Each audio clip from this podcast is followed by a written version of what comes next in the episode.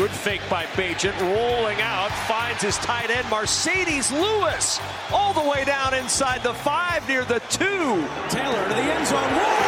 Touchdown! And Hurts will throw. It's complete for the first down. Inside the 40, Goddard up the sideline. Two timeouts Atlanta in a tie game. And what a catch! Kyle Pitts down the sideline. Jones swings it.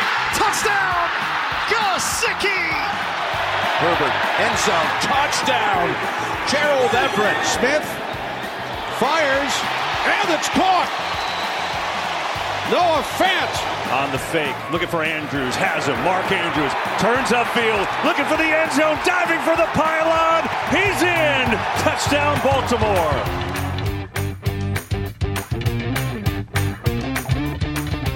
Dit is NFL op woensdag, jouw Nederlandstalige podcast over de NFL, de National Football League. En met Pieter in Amerika hebben we de feestopstelling uit de kast gehaald. Janiek zit in Groningen, Frank zit in Tilburg. En we hebben heel veel te bespreken, want het was weer een heerlijk weekend.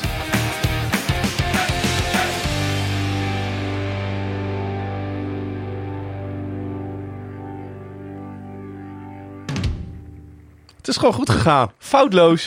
ja. Het was Maar een- je deed het ook zoals ik zei dat het moest, dus dan ging het ook goed. Het was een beetje. Het is, het is hier nogal weer aan kabels op dit moment. Want met, als we op afstand opnemen, zeg maar, dan is alles anders dan, eh, dan het normaal is. En eh, goed. het het ging goed. Ja. Ja. met dank natuurlijk aan Pieter, die vanuit eh, Amerika, of nou ja, half zeg maar vanaf Schiphol en half volgens mij vanuit het vliegtuig. Eh, dit, eh, deze intro even voor ons in elkaar heeft gedraaid. Ja, dat is natuurlijk niet niks. Nee, Nee, nee. nee En- daar ben ik als inval Pieter ben ik daar hartstikke trots op. Precies, want jij zou dit nooit kunnen. Eh, nee, ik ben nog niet zo lang inval Pieter, dus dan eh, nee, ga, zal mij dat niet lukken. Is jou wat opgevallen, Frank? Nou ja, ik vraag me af of het de luisteraars is opgevallen. Maar misschien moeten we het nog niet verklappen. Misschien moeten ze even opnieuw de podcast aanzetten. Ik denk En dat jij, ik goed, denk dat jij onze luisteraars echt onderschat. Iedereen heeft natuurlijk wel gehoord dat dit eh, enkel en alleen acties, touchdowns van eh tight ends waren. Want het was natuurlijk Meen National niet? Tight End Day afgelopen zondag in Amerika. En eh, het viel mij ook gelijk op dat er trouwens heel veel tight ends gescoord hebben. Ja, Ja, misschien, misschien waren het wel meer tight ends dan, dan normaal die scoorden. Maar misschien valt het ook gewoon meer op omdat er meer aandacht voor is. Hey, eh, goed dat jij erbij bent, eh, Frank. Eh, jij, valt, jij gaat proberen de komende week een beetje in te vallen voor Pieter. Klopt. En dat is heel fijn, want ja, eigenlijk als ik dit in mijn eentje moet doen, dan hebben we gewoon geen podcast. En dat, dat kan niet, want dat is een te groot gemis. En te veel levens van Nederlandstalige NFL-fans. Ja, ik ga mijn best weer doen om, om Pieter eh, te vervangen. Het zal iets minder schelden worden, denk ik, en iets meer feitjes. Dus eh, ja, daar zullen de luisteraars het mee moeten doen. Ja, het zal wat saaier worden. moet ik dan enorm gaan zitten schelden al door? Is dat dan de, de, de opdracht? Eigenlijk wel. Oké, nou. Ja, ja, nee, maar we hebben ook christelijke luisteraars, hè? Ja, ik, ik slikte hem alweer in. Jij zag, wat, jij zag wat ik wilde gaan doen. Moet ik je wie- weer met het Nieuwe is, Testament eh, om de oren slaan? nou, doe maar het oude. En wie is beter voorbereid, eh Klaasie, jij of de Lions? Eh, ik denk dat ik beter voorbereid ben. ik denk dat ik in, Ja, in al die jaren nooit zo slecht voorbereid ben als vandaag. De luisteraars horen het niet, maar ik heb net na, na anderhalve minuut eh, dwaze paniek zitten luisteren voordat we live gingen. Het was, eh, het was heerlijk om een beetje achterover te leunen en het allemaal aan te horen, maar het is allemaal goed gekomen, joh. We zijn er. Ik Ja. ben gewoon heel slecht in, eh, in techniek en, eh, en zo. Maar inderdaad, we zijn er. En het is, eh, het is mooi dat, dat we hier met z'n drieën over het NFL gaan praten. Even een schot voor de boeg, mannen. Ik begin bij jou, Janiek. Mhm. Eh, wat, wat, wat wil je eruit lichten? Wat is je opgevallen? Ehm, is, er, is er een hoogtepuntje of een actie of Nou, iets anders? Pieter en ik hebben vorige week eh, de hele tijd tegen jou gezegd van nou, die Detroit Lions, eh, dat, eh, dat wordt toch wel heel erg lastig. Frank heeft daar waarschijnlijk ook naar zitten luisteren als Ravens-fan en daar misschien ook wel aanstoot eh, aangenomen. En nou ja, ehm, als jullie nog even willen zeggen I told you so, dan is dit het moment waarop jullie nog even mogen zeggen I told you so. Want ik heb met open mond en stijgende verbazing naar jullie Baltimore Ravens zitten kijken. Want oh my god, wat waren die goed. Ja. Ja, het was inderdaad een, eh, een, een, een wedstrijd die ik ook niet op deze manier had zien aankomen. Ik had wel een over. Ik, ik vind namelijk, ik heb. eh, eh, Frank heeft het natuurlijk ook, die volgt de Ravens nog langer zelfs dan ik. Ehm, maar we zijn vaak op ons best in dit soort wedstrijden. Nou ja, dat blijkt. Dat blijkt. Ja, en op de een of andere manier eh, weet John Harbaugh altijd voor dit soort affiches zijn, eh, zijn, zijn, zijn, zijn jongens te prepareren op een manier, eh, ja, op, op, op, op een waanzinnige manier. Ja. Dus elke keer als, als de spotlights op ons dreigen te komen, dan maken we het toch wel vaak waar. En ik moet wel bij zeggen dat het vaak in het reguliere seizoen is. Uh, ik snak nu ook wel een beetje naar postseason succes. Ja. Uh, dus, maar als dit de lijn is, ja, dan, uh, dan word ik er natuurlijk heel erg blij van. En verder was het weer heerlijk onvoorspelbaar. In de zin dat uh, vorige ja. week had ik maar twee wedstrijden fout van, in mijn totootje van alle, alle wedstrijden in de speelronde. Um, en deze keer had ik er maar twee goed. Dus Zo, dat geeft al, ja, dat geeft al aan hoe, hoe verrassend het allemaal was. Ja, het was een waanzinnig weekend wat dat betreft. Mijn schot voor de boeg zijn de New York Giants. Um, ik vond het echt verrassend hoe die voor de dag kwamen. Ze hebben maar 14 punten gescoord. Uh, maar ze hebben de Washington Commanders op zeven punten gehouden. En ik vond dat ontzettend uh, knap. En ja. ik gunde het de Giants zo ontzettend. Want je zag ook gewoon aan die Brian Dable, die trainer, uh, die coach daar, hoe hij, hoe hij ja, in die wedstrijd zat. Je zag gewoon de emotie droop van zijn gezicht af. En van al die spelers bij de Giants die verguisd zijn want dat moeten we niet vergeten. Hè? In, als je een New York team bent, dan word je door New York media afgeslacht in Amerika altijd. Ja. En ja, die, die, die ontlading bij dat team was zo groot. Het, het gaat om zoveel meer in de NFL dan. Het is niet, je hoeft niet ieder seizoen de Super Bowl te winnen. Want iedereen zit, als er gewoon. Iedere week is weer een week. En dan doet alleen die wedstrijd ertoe. Ja, je bent zo goed als je laatste wedstrijd gaat in de NFL dubbel zo hard op. Maar Precies. aan de andere kant, het, het is heel mooi voor de Giants. Maar om je elke week op die manier op te laden, terwijl je eigenlijk niet zo'n heel erg goed team bent, um, dat verdient respect. Maar ja. Nou, het is ook gewoon op een gegeven moment dan gunning, weet je. Ja. En je kan altijd zeggen van ja, als je dan, dan vanuit een soort van medelijden. Dat wou dat, ik zeggen. Dat is nooit goed, zeg maar. Nee, dat. Uh, uh, maar toch, weet je, ik, ik, had, uh, ik, ik kreeg er gewoon, ja, ik werd er heel erg blij van. En ja. dat, is van, dat is denk ik, als je gewoon van een sport houdt, dat is het allerbelangrijkste. Dat als je ernaar zit te kijken, dat jij als kijker, als liefhebber er blij van wordt. Nou, dat, ja, had, ik bij, dat had ik bij de Giants ja. deze week. Um, ja, mooi hè? Frank. Mijn schot voor de boeg. Ja, er is, ik kijk natuurlijk heel veel Ravens en nu val ik voor Pieter in. Dus ben ik dit weekend weer eens alles gaan kijken. En dat is eigenlijk heel leuk. Ja. Zo heb ik Ross Matishik, dat is de long snapper van de Jaguars zien spelen. Die knijtertje goed speelde. Maar ik heb ook bijvoorbeeld... Hoe kun je als long snapper knijtertje goed spelen? Kun je dat eens ja, uitleggen? door die ballen heel ver in de hoek weg te leggen. We hadden ook zo'n uh, zo'n uh, zo'n um, zo'n kick van, van de snapper van, van de Titans tegen de Ravens. Die legt hem gewoon op de 4-yard line out of bounds. Hm. En dat, is, dat, dat levert je gewoon een hele goede fieldpositie op. Dus wat ik, mijn schot voor de boeg is eigenlijk dat het ook heel leuk is om eens een keer naar teams te kijken die je normaal niet ziet.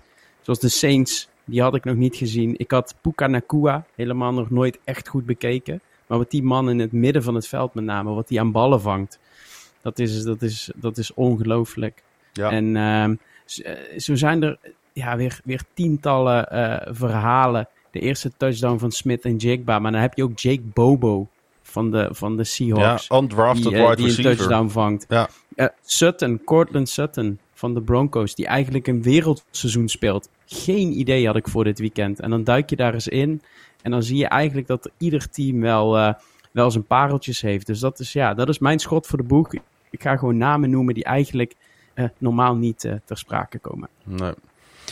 Nee, dat is, uh, dat, dat is ook mooi inderdaad. Uh, maar goed, uh, bijna nou, meer dan 2000 spelers hè, ieder weekend. Dus dat kan ook. ja, ja, mooi toch? Het is 32 keer een roster van 50 plus. Dus, ja. en we hebben, we, hebben, we hebben een Who's That Man vandaag. Dus voor de luisteraars, lekker blijven luisteren. Er komt een Who's That Man. Goed, gaan we naar de eerste wedstrijd. En daarin zit gelijk mijn team van de week.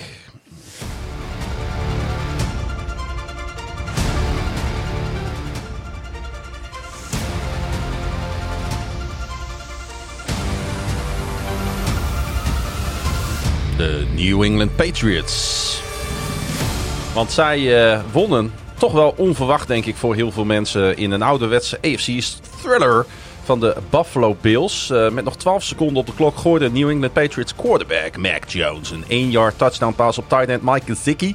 Op National Tight End Day uiteraard. En dat uh, betekende niet alleen de winst, maar ook de 300ste overwinning van coach Bill Belichick in zijn lange loopbaan. En hij vroeg zich bij de Pro Football Hall of Famers Don Shula 328 winst. En George Hallis natuurlijk. Hè, 318 winstpartijen als enige andere coaches die deze milestone bereikten. Ja, dit was gelijk een, eh, een klapper van je welste in de early window, uh, Frank. Ja, dit was, ja, dit was spektakel. Ik denk iedereen daar mooi de Bills heeft gepakt. Maar die, ja, die strompelen al, al twee, drie weken door de NFL. En uh, ja, die eerste helft, waarin ze maar drie punten scoren, uh, twee intercepties gooien, een field goal missen. En uh, eigenlijk de Patriots alle kansen zien maken die ze krijgen. Ja, die kosten uiteindelijk gewoon de kop. Al is het pas 12 seconden voor tijd dat Gesicki inderdaad die, die winnende touchdown maakt. Ja, maar soms voel je in een wedstrijd dat het erin zit. Hè? Dat een team op achterstand staat. En dan zie je die percentage projections zie je in beeld komen. En dan zie je dat de Bills dus meer kansen hebben om die wedstrijd te winnen. Maar je voelt aan alles dat ze niet helemaal lekker in die game zitten. En dat het zomaar eens zou kunnen. En dan komt natuurlijk die big play komt op die laatste drive. Uh, met volgens mij Stevenson uit mijn hoofd. Ja. Ramondre Stevenson. En natuurlijk, die, uh, uh, en natuurlijk Mac Jones, hè, want die speelde echt een goede pot deze keer. Ja, die maakte, die maakte weinig, weinig fouten. En die, ja, die twee intercepties, nul touchdowns. 25 uit 30 en 272 yards. Ja, dan speel je gewoon een degelijke wedstrijd. En als de Bills dan niet de Bills zijn, want dat waren ze gewoon niet. Nee. Ja, dan, dan, kunnen, de, dan, dan kan de, kunnen ook de Patriots met een uitstekende verdediging gewoon, uh, gewoon winnen. Het begon natuurlijk al een beetje voor de Bills met die uitwedstrijd die zij in Londen moesten spelen tegen de Jacksonville Jaguars. Waarin Klopt. ze helemaal niet uh, wakker leken, geen urgentie le leken te hebben waarmee ze nou eigenlijk mee bezig waren. Uh, ik ben er nog steeds van overtuigd. Ik vind het wel gek, want ik ben er nog steeds van overtuigd dat deze Buffalo Bills met Josh Allen vol in een uh, Super Bowl window zitten. En als dit team de playoffs haalt, en dat zou eigenlijk wel moeten, dan denk ik ook dat ze een van de grote kansen hebben zijn om namens de AFC naar die Super Bowl te gaan. Um, maar met een 4-3 record mag je wel wat vraagtekens op dit moment bij dit team stellen natuurlijk. Ja, en het zware programma dat, dat ja. op zijn rust. Dus uh, Miami heeft een wel degelijk beter, uh, beter programma. En, en de Bills, ja, sinds Matt Milano, uh, inside linebacker, eigenlijk oud is voor de season, is het gewoon niet meer, niet meer zo goed. Je ziet die rusteloosheid bij Josh Allen, die de afgelopen twee jaar eigenlijk een beetje weg was. Die zie je terugkomen. En ze moeten het hebben van die, van die flashes van een James Cook, die er, die er heel goed en fit uit vindt zien. Uh, en, dan, en dan Dix, die toch weer zijn, uh, zijn touchdown maakt. Um, ja, en dan, het, het, het, komt, het is allemaal zo moeilijk. Ze komen pas uh, 1 minuut 55 voor het einde met die QB-sneak van Allen. Na een flag volgens mij van de, de dubieuze flag van de Patriots komen ze. Ja. op 25-22. Ook mede door een two-point conversion die ze daar weer voor nodig hebben. Het is allemaal heel lastig. En dan, ja, dit was een dik verdiende overwinning voor, uh, voor de Patriots. Ze zijn heel goed, maar hun hele seizoen gaat eigenlijk al heel lastig. Hè? Als je de eerste wedstrijd van de uh, verliezen ze van de New York Jets. Terwijl die uh, Aaron Rodgers verliezen. En eigenlijk is dat een beetje het verhaal van het hele seizoen voor de Bills. Dat op het moment dat uh, je verwacht van oké, okay, en nu gaan ze uh, consistency krijgen en gaan ze gewoon rustig wedstrijdjes winnen en uit Wat iedereen spelen. dacht toen ze van de Dolphins wonnen natuurlijk. Bijvoorbeeld, precies op dat moment dan, dan komen ze weer uh, een, een kiezeltje ergens op de weg tegen. Daar struikelen ze over en dan gaan ze weer plat op hun bek. Um, en dat, ja, dan vraag ik me af of je wel Super Bowl contender bent. Ja, het is heel raar. Want ook van de New York Giants hadden ze eigenlijk moeten verliezen. Uh, dat halen ze dan uiteindelijk. Ja. Op, op de laatste play uh, redden ze het. Ook een beetje hulp van de, van de Zebra's. Um, daarvoor zit die Jacksonville game. En daarvoor win je wel met 48-20 van de Dolphins. En ja, de, de, de, daar, daar laten ze zien dat het, dat het wel, uh, wel kan. Dus het ja. is ja. Dat ze eigenlijk wel een goed team zijn, maar gewoon een totale lack of consistency. Gewoon niet consistent genoeg zijn. Klopt. En, je, je En ook mentaal. Ja, Ik, ik vind ze met, met wedstrijden zoals de Dolphins, waarin alles lukt, en tegen de Commanders, dan gaan ze wel. Dan, dan, is het, dan, dan, dan, dan loopt het en dan, dan zijn ze eigenlijk schier onverslaanbaar. Maar zodra het een beetje tegen zit, zodra een tegenstander zich ingraaft, Allen onrustig wordt, intercepties gaat gooien, hebben ze niet ehm, eh, de, de, de, ja, de, de kunde om met, eh, met tegenslagen om te gaan. En dat kan ze in het, in het verdere seizoen wel, eh, wel opbreken. Ehm, Bill Belichick die zat aardig op de hot seat. eh, volgens veel eh, eh, volgers en kennis natuurlijk.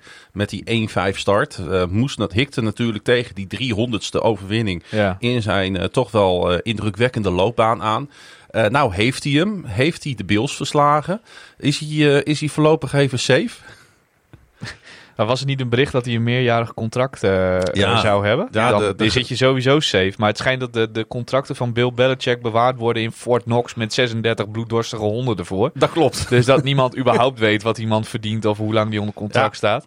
Ehm, ik denk dat Bill Belichick langs de lijn ooit een hartaanval krijgt en dat dat het einde van zijn coachcarrière is. dat dat denk het ik.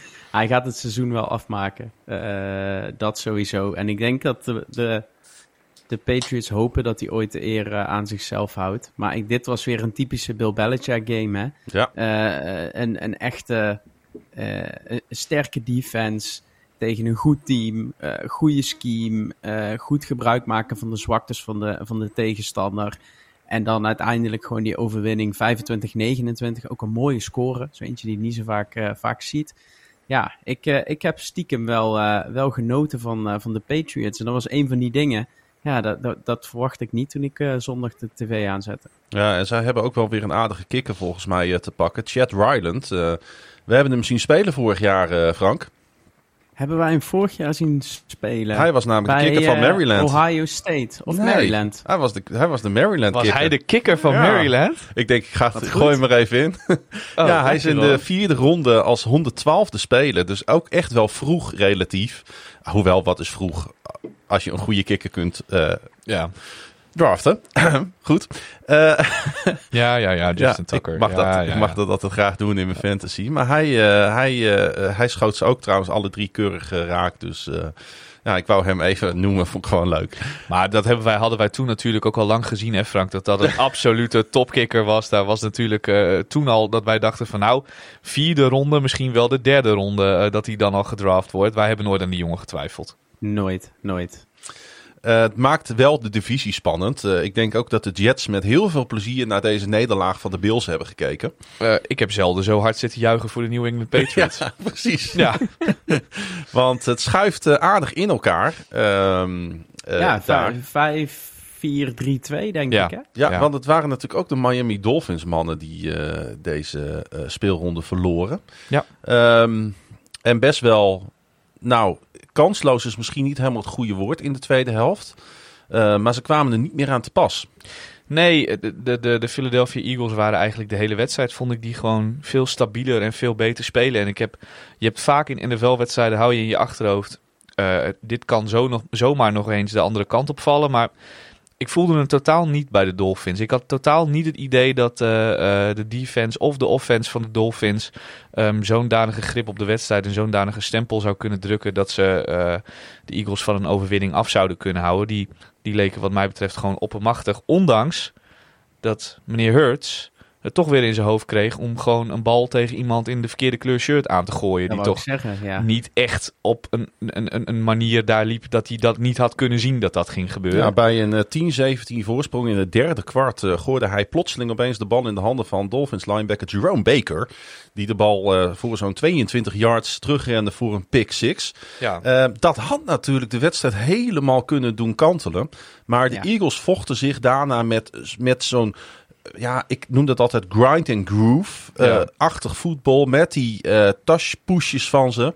Die ik verschrikkelijk vind, maar ze werken wel. Maar het geeft wel aan de, de vechtmentaliteit die er in dit team. Het past gewoon bij de Philadelphia Eagles dat Ja. ze het zo doen. En voor de Eagles fans, ze doen dat wel goed, hè? Die touch pushes. Dat is, het is ook niet dat, ehm, dat, dat, dat, dat ze dat slecht uitvoeren of zo. Of dat het zo'n zo'n loophole in de Ja, het is regels is. Perfectie. Het is perfectie van een heel klein, heel klein gaatje in de mazen van de wet.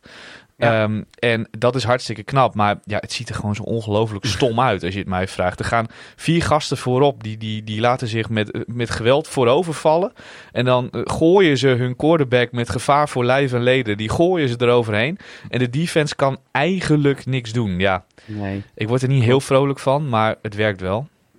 Ja, die, die laatste 20 minuten van de wedstrijd, vanaf 17-17. De Eagles maken 14 punten, Miami 0. De Eagles hebben 156 yards, Miami 50. De Eagles hebben 10 first downs.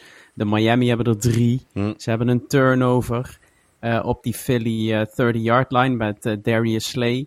En ja, je ziet het. Vorige week verloren ze van de Jets. En ze gingen er, er, er, er ging gewoon niks eh, in deze wedstrijd eh, voorkomen. Waardoor de Eagles dit niet gingen winnen. Nee, het, het was trouwens niet alleen na rust. In de eerste helft was Miami season low in zowel punten, 10, als yards, 113.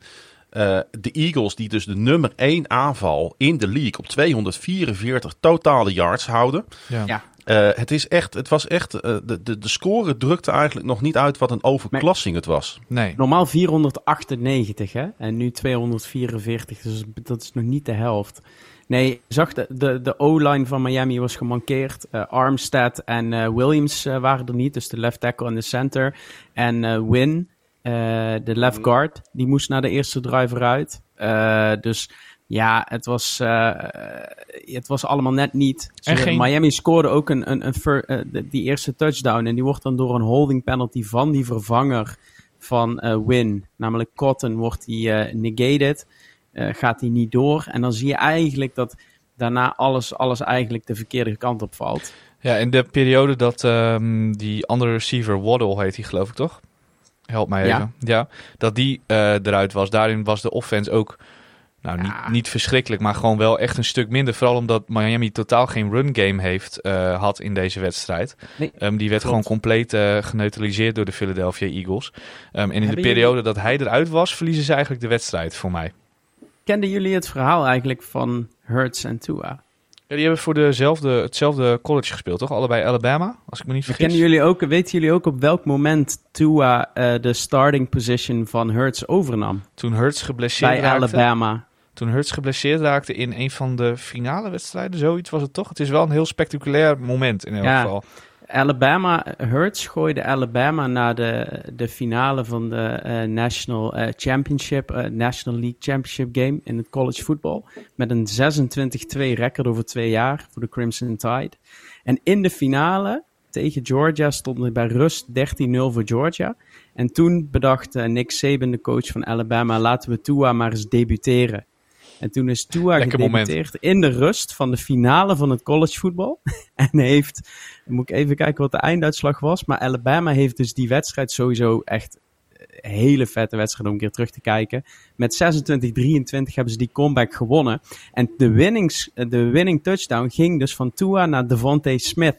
Die gisteren Ja, dus met, eh, met. Hurts op het Ja. veld stond Ja. voor de Eagles. En daarna is eh, Hurts dus ook vertrokken bij, eh, bij Bama.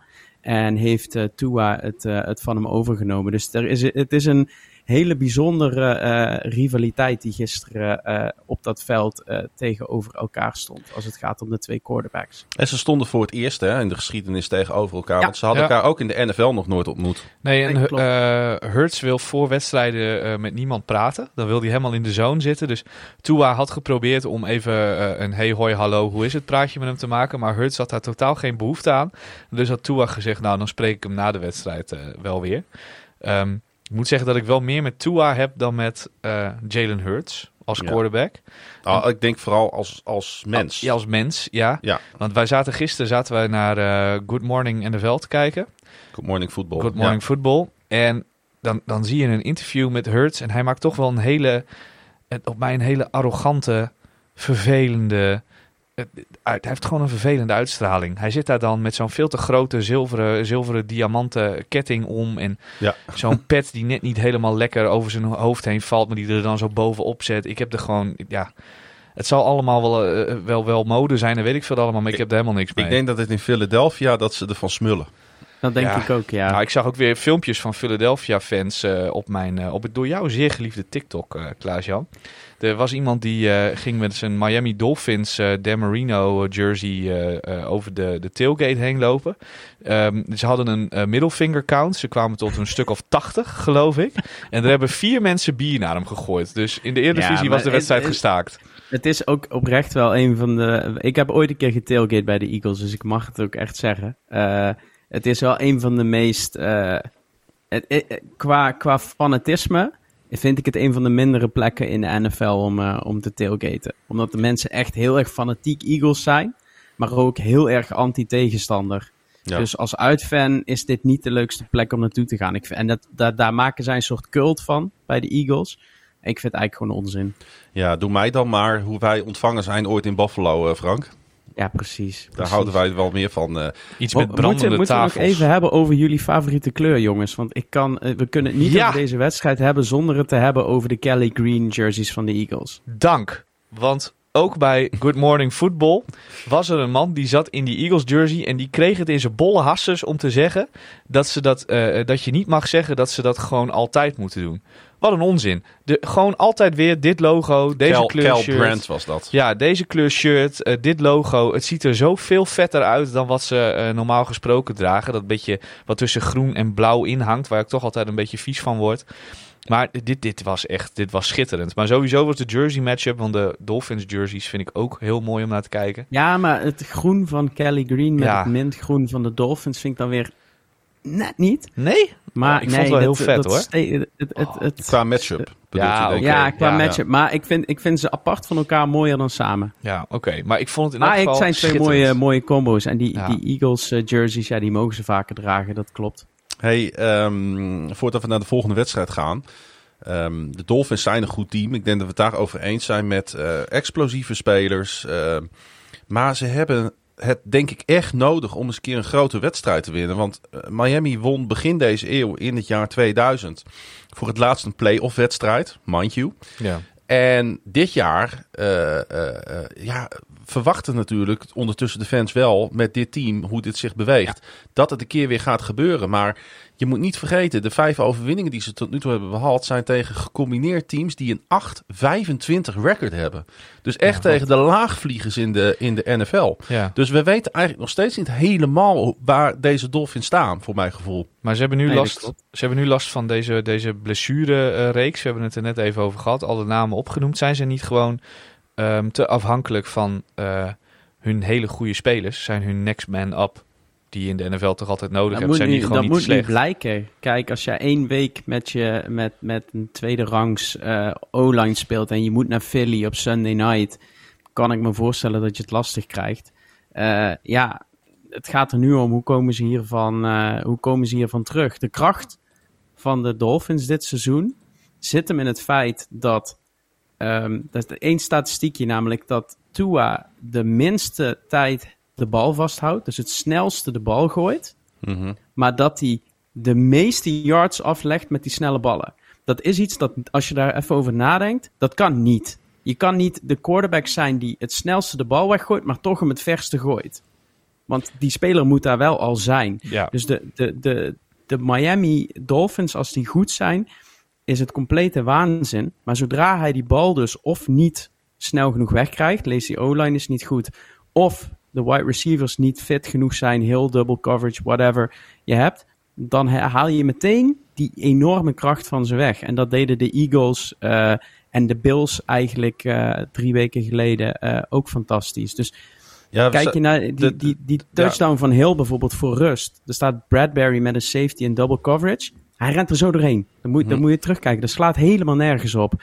Dat heeft ook niks met skiën te maken. Dat is gewoon pure klasse. Ehm, maar is dat houdbaar? Eh, ja, daar, daar heb ik mijn twijfels bij, bij de, bij de Dolphins. Hun piek is denk ik het hoogste van de hele NFL. Maar hun, hun, hun, eh, hun eh, bodem, die is ook lager dan eh, de gemiddelde contender voor de Super Bowl. Ja, Jalen Hurts zei na de wedstrijd ook. Wij lieten, ze, wij lieten hun er eendimensionaal uitzien. Ja. En dat heeft hij, denk ik, heel goed. Ik denk dat het een hele goede samenvatting is van hoe zij de Miami Dolphins hebben aangepakt. Want dat is in principe geen eendimensionaal team. Nee. Alleen je kunt ze er wel toe dwingen om dat te zijn. Ja, en Tua houdt die ballen heel, heel erg kort vast. Maar denk nog even terug aan die interceptie, uh, Frank. Die, die, die, als je kijkt hoe die receivers daar lopen, die lopen met z'n tweeën. Het ging één keer goed in de wedstrijd. Ik kan me een play herinneren waarbij, ze, uh, ook, waarbij Tua ook zo'n bal gooit naar een plek op, de, op het veld waar twee receivers ineens heel dicht bij elkaar lopen. Maar er lopen gewoon drie of vier Philadelphia Eagles ook in dezelfde zone. En hij gooit bijna blind, gooit hij die bal daar maar gewoon heen dat zijn toch ook gewoon hele. Dat, dat, dat is dan toch gewoon niet goed. Dan kun je toch beter iets meer je tijd pakken en even gewoon normaal je checkdowns doen. Um, en dan op die manier de interceptie voorkomen. Ja, dat klopt. Ja, daar heb je wel met de Eagles een team wat in in de secondary heel sterk is. Uh, en um, ja, die, da die dat eigenlijk heel goed uitspelen. Wat ik zeg net, die, die touchdown van Hill, dat is, dat is complete waanzin. Maar ze geven hem maar één keer uh, weg in die hele wedstrijd. En ja, de, de Dolphins, ik ben, ik ben gewoon heel benieuwd uh, wat ze gaan, uh, gaan laten zien de komende weken. Ze gaan naar Duitsland tegen de Chiefs. Ben ik heel benieuwd naar. Uh, de Ravens krijgen ze ook nog. Week 17 uit mijn hoofd. Ja, helemaal ja dat zijn wedstrijden, dat, dat, dat, daar zie ik wel echt naar uit. Want ik denk juist de ploegen die goed georganiseerd zijn, die hebben heel veel, uh, die, die kunnen het dit, deze Dolphins heel erg lastig maken. En de ploegen die er niet klaar voor zijn, voor die snelheid, voor die, voor die snaps en, en, en voor die, voor die onnoemelijke uh, lange passes, ja, die gaan het heel moeilijk krijgen. Maar ik denk dat juist de topteams in de NFL goed uh, bestand zijn tegen deze Dolphins. En tot slot nog even een kleine shout-out naar Kenneth Gamewell voor die geweldige spin touchdown. Uh, spectaculair om naar te Zo, kijken. ja. Ik vond het echt, uh, Kenneth Gamewell was eigenlijk van, al voordat hij gedraft werd, was het al een van mijn favoriete running backs. Uh, ook omdat hij van Memphis komt. En daar komen heel weinig spelers vandaan. Dus dat vind ik dan super tof altijd. Ja. Uh, maar hij, uh, ik heb hem vanaf minuut, ja, vanaf minuut 1 zeg maar dat het kon, heb ik hem gedraft. En hij stelt gewoon al jaren niet teleur. Wat is dat een goede pick-up geweest van, uh, van de Eagles. Hey, um, zullen we maar naar de, naar de afgelopen wedstrijd uh, van de afgelopen nacht, naar de Monday Night gaan? Klaar dat Zeker. Want um, ja, rookie receiver Jordan Addison heeft twee touchdowns gescoord om zo de Minnesota Vikings naar een uh, verrassende 22-17 overwinning te leiden op de San Francisco 49ers. Um, ja, het uh, hij werd, uh, die Addison werd twee keer gevonden door Vikings quarterback Kirk Cousins in de eerste helft. En dat bleek uh, de basis te zijn voor uh, deze overwinning. De tweede voor de Vikings op rij.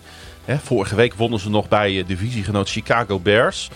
En de 49ers, die verliezen twee wedstrijden op rij. Ja, Cousins vond overigens ook twee keer gewoon woord. Hè? Maar één keer had Addison wel de, de, de kracht en de snelheid om die bal nog uit de handen van de verdediger te trekken. En één keer niet. Maar ja, ja het was een, dat was een aardig duel, hè? Ik heb zo'n vergelijkbare plays in één helft gezien die zo 180 graden anders uitvielen. Dat duel trouwens tussen Edison en Ward die hele wedstrijd door was ook hartstikke leuk om ja. te zien, hè? Ja, mooi ja. man. Um, ja, de, uh, laten we eens beginnen dan bij de 49ers, die dus twee keer op rij verliezen. Uh, moet je heel eerlijk zijn, Frank. Had je, had je dat zien aankomen?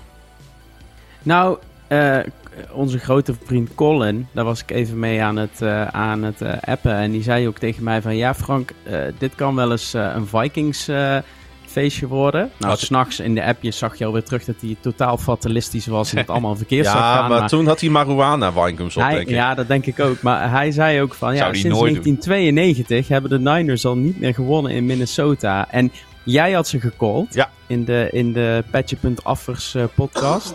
Dus ik, ik had wel zoiets van, oké, okay, dit, dit zou wel eens een, uh, een leuke wedstrijd kunnen, kunnen worden, de Vikings thuis. Um, dus een close game had ik wel voorspeld. Ik denk dat ik toch uiteindelijk voor de Niners was gegaan. Um, maar ja, de, de, de Vikings uh, halen, slepen, hem, ja, slepen hem uit het vuur. En eigenlijk um, in... in op een manier die ook perfect bij, uh, bij de Vikings uh, past. Gewoon Ja. een methodische wedstrijd, uh, play for play, yard for yard. Geen big plays, geen big gains. Um, maar gewoon heel methodisch uh, naar de W. Er wordt natuurlijk altijd gezegd van Kirk Cousins dat hij geen uh, primetime kan winnen. Nou, dat is natuurlijk altijd. Uh, ik, ik vind dat een beetje een lauwe take. Want als zij primetime spelen, is het vaak ook tegen hele goede teams. Ja. Hè, dus de kans dat je dan verliest is groot. En de Vikings zijn natuurlijk ook heel veel jaren op rij zo'n typisch 8-8 team geweest. Ik denk wel dat Cousins in dit geval gered is door Edison. Want in principe, ook die, die touchdown paas was gewoon geen goede paas. Maar gewoon echt geen goede paas. Mm. Um, en dat Edison daar toch op een of andere manier een touchdown van weet te maken door die bal van de borst van Ward af te grissen. Dat, ja. En ja. gered door CMC. Want in die eerste drive heb je die interceptie ja. van Ward die wel de bal afpakt van Addison. Ja. En dan denk je, oh, daar gaan we. Krijgt CMC de bal in de red zone. En dan doet hij iets wat hij eigenlijk nooit doet in de red zone, namelijk een fumble. En daarna krijgt Addison, uh, maakt meteen wel die TD. Krijgt, scores ook een field goal, staat het 10-0 voor de Vikings. Dan heb je wel zoiets van, oké, okay, dit is een, een, een moment om... Um, om, uh, ja, om toch eens wat meer naar de, de Vikings te gaan kijken en ze een kans te geven. Ze hadden ook geen punt tot uh, 9-22 in het vierde kwart. En de Niners hebben, ze, hebben uh, Cousins niet kunnen sacken. Om maar even te vertellen hoe, uh, hoe methodisch de, de Vikings te werk gingen. Dus het was eigenlijk een ja, best een perfecte avond voor ze. En daarom hadden ze kans om te winnen van deze 49ers. Ja, er zitten natuurlijk wat haarscheurtjes bij de 49ers. die natuurlijk Williams miste op de line. Maar ook... ehm, Uh, wie missen ze nog meer? Uh, help me even, Frank. Was het Debo Samuel die niet kon spelen? Ja, ja. Samuel speelde Die niet. kon niet spelen. En, uh, ja, en, ze, en zij hebben natuurlijk ook wat, nou ja, problemen is een groot woord. Maar hun kikker, Jake Moody, die natuurlijk die uh, potentieel winnende field goal in Cleveland oh, ja. miste, die, uh, uh, ja, die, die miste nu weer vanaf 40 yards, wide wide. Wide right bedoel ik natuurlijk. Hij in, moest bijna huilen. Ja, in het tweede kwart. Ja. Hij, was, hij was echt even helemaal oh. ondaan. Hij sloeg ook volgens mij zijn helm kapot op, op de bank. En uh, later uh, converteerde hij wel vanaf 55 yards. Dus daar zie je wel weer dat, het, dat die jongen echt wel een goed been heeft. Hij is een beetje in de war geraakt, ben ik bang, van die gemiste game-winning field goal. Nou, dat moet, hij niet, dat moet hij niet doen, want de 49ers zijn nog steeds een van de beste teams in de NFL.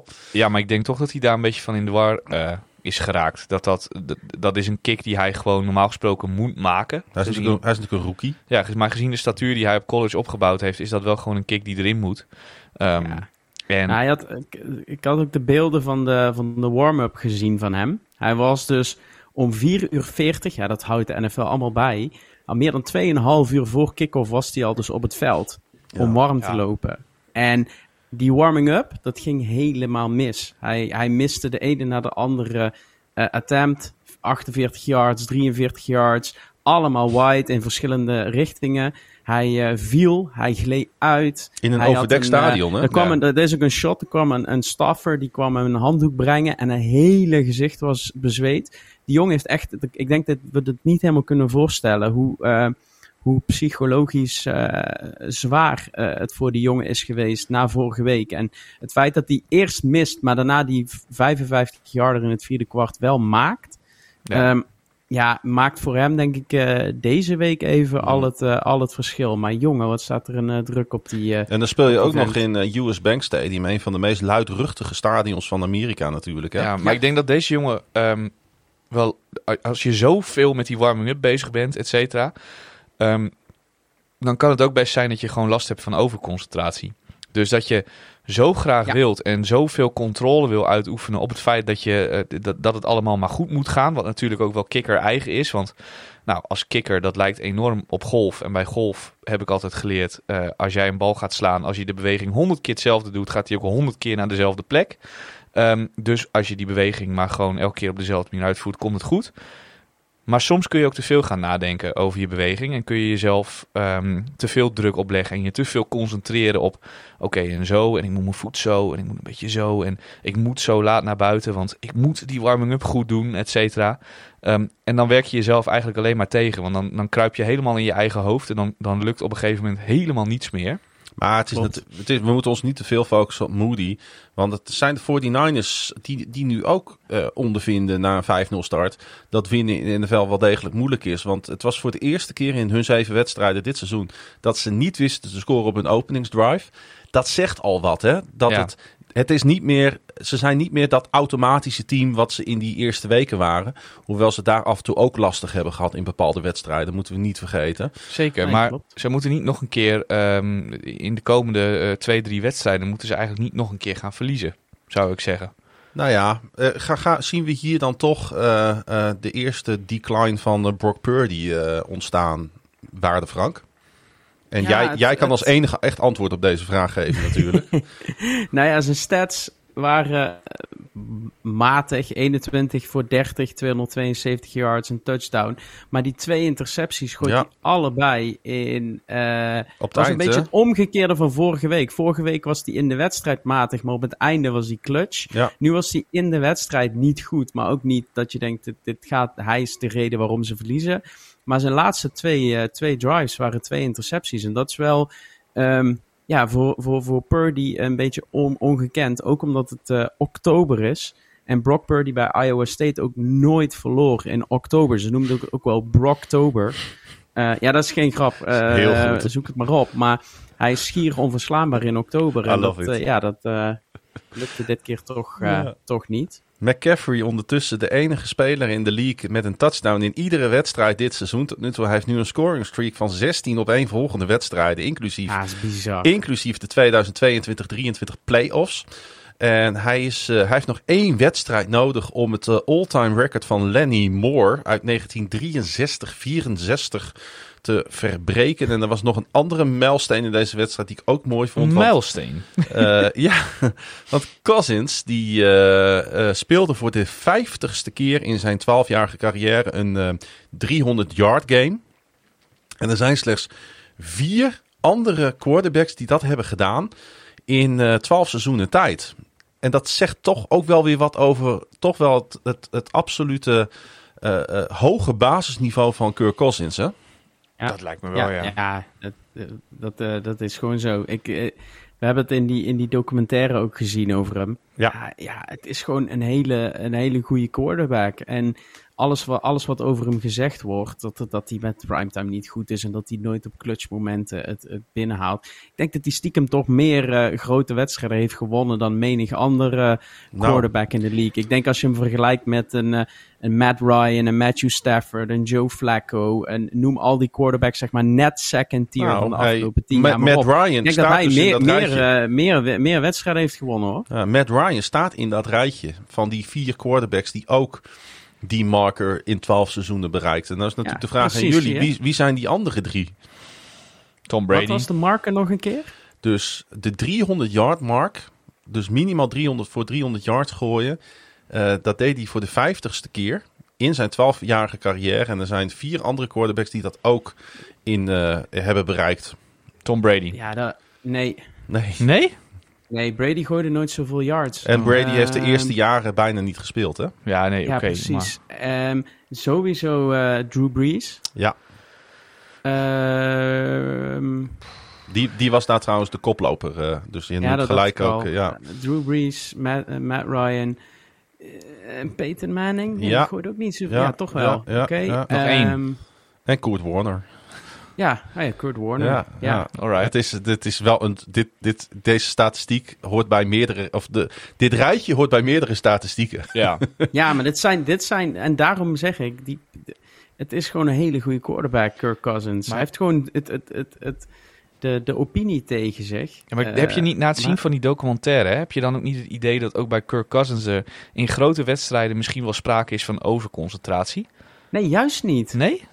Nee, hij doet alles hetzelfde. Ook na die wedstrijd rijdt hij gewoon, na die wedstrijd tegen de Giants, rijdt hij ook gewoon rustig naar huis. En nee, ik heb dat echt totaal niet bij hem. Ik vond hem wel heel erg, ehm, eh, eh, heel erg alles altijd hetzelfde willen doen en heel erg gefocust zijn eh, op dingen willen controleren in de zin van dat je eh, hele vast, heel veel vastigheden voor jezelf inbouwt. Dat moet natuurlijk ook wel als je quarterback bent, dat snap ik ook wel.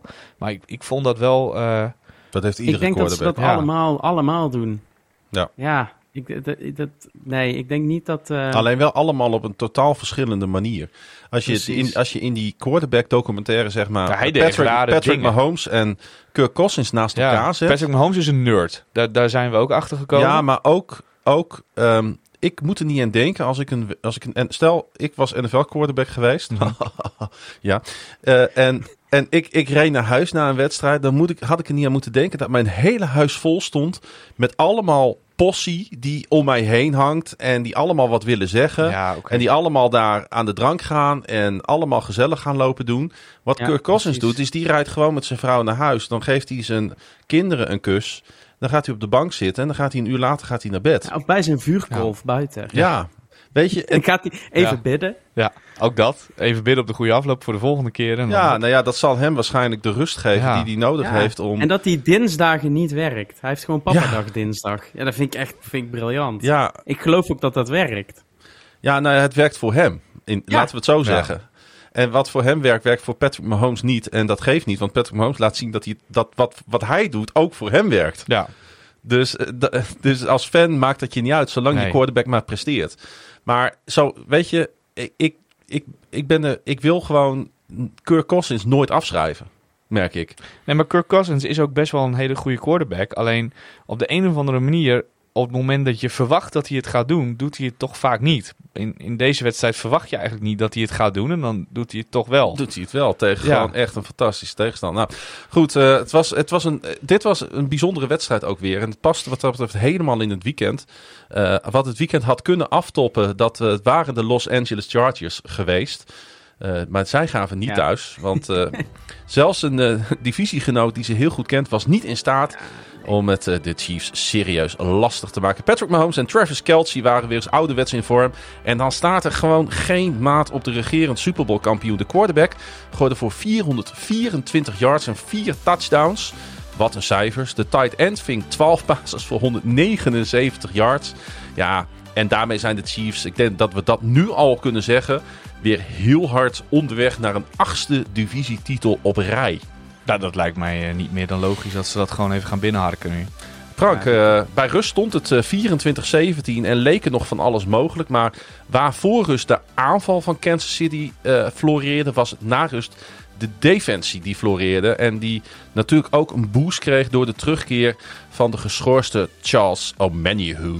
Ja, die speelde goed. Zo. Ik eh, las jou, jouw stukje op Flashscore ook even. En ik moest ook weer even denken van... Ik, ik was hem ook helemaal vergeten. Ja, zes wedstrijden eh, geschorst. Dat hij, er, dat hij er was. Maar ja, eh, dit, dit was weer je, je typische Chargers game. Eh, high ceiling en, en, en low bottom, zeg maar. Want het eerste helft Ja. kunnen, ze, kunnen ze weer mee. En de tweede helft stort het als een, als een kaarthuis in één. En walsen de, de Chiefs er eigenlijk gewoon vrij eenvoudig eh, overheen. Ja, want ehm, we hadden natuurlijk vooraf een beetje de hoop. Niet omdat we Kansas City Chiefs graag zien verliezen. Maar de hoop dat de Los Angeles Chargers het team zouden zijn. wat ehm, na de Detroit Lions het eh, de Chiefs echt lastig zou kun- kunnen maken. Eh, maar deze Chargers zijn niet goed genoeg, hè? Mm, Nee, en deze Chiefs zijn heel erg goed. Ik denk dat je het zo ook kunt stellen.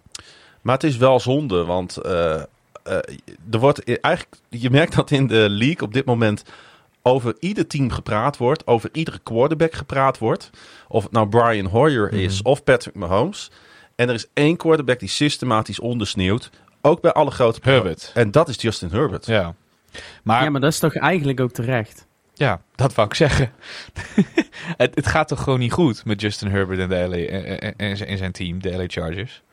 Nee, ja, hij- weer, weer meer intercepties dan touchdowns. En Ja. we kunnen zeggen, ja, Brandon Staley moet dat anders schemen en bla dit, bla dat. Eh, Herbert kan ook gewoon de bal naar de goede kleur gewoon gooien. Ook gewoon zelf geen goed seizoen. En ik Ja. heb ook wel een beetje het idee dat iedereen Herbert een, een, een, een toekomst, naar een toekomst toeschrijft die er misschien wel helemaal niet, eh, niet in zit voor de, voor de beste man. Tenzij er echt iets gaat veranderen bij de Chargers, maar ook bij Herbert zelf. Ja. Ja, dat zou inderdaad, eh, dat, zou inderdaad kunnen. Ja, ik, ik, ik vond het erg jammer. Eh, Justin Herbert werd wel vijf keer gesekt trouwens. Hè, door de, eh, dat, dat, dat moet ik dan ook wel weer hem... Dat, is, dat spreekt dan weer in zijn voordeel dat hij ook niet heel lekker beschermd wordt. Ehm, hebben ze een fout gemaakt bij de Chargers door met deze coach door te gaan, Frank?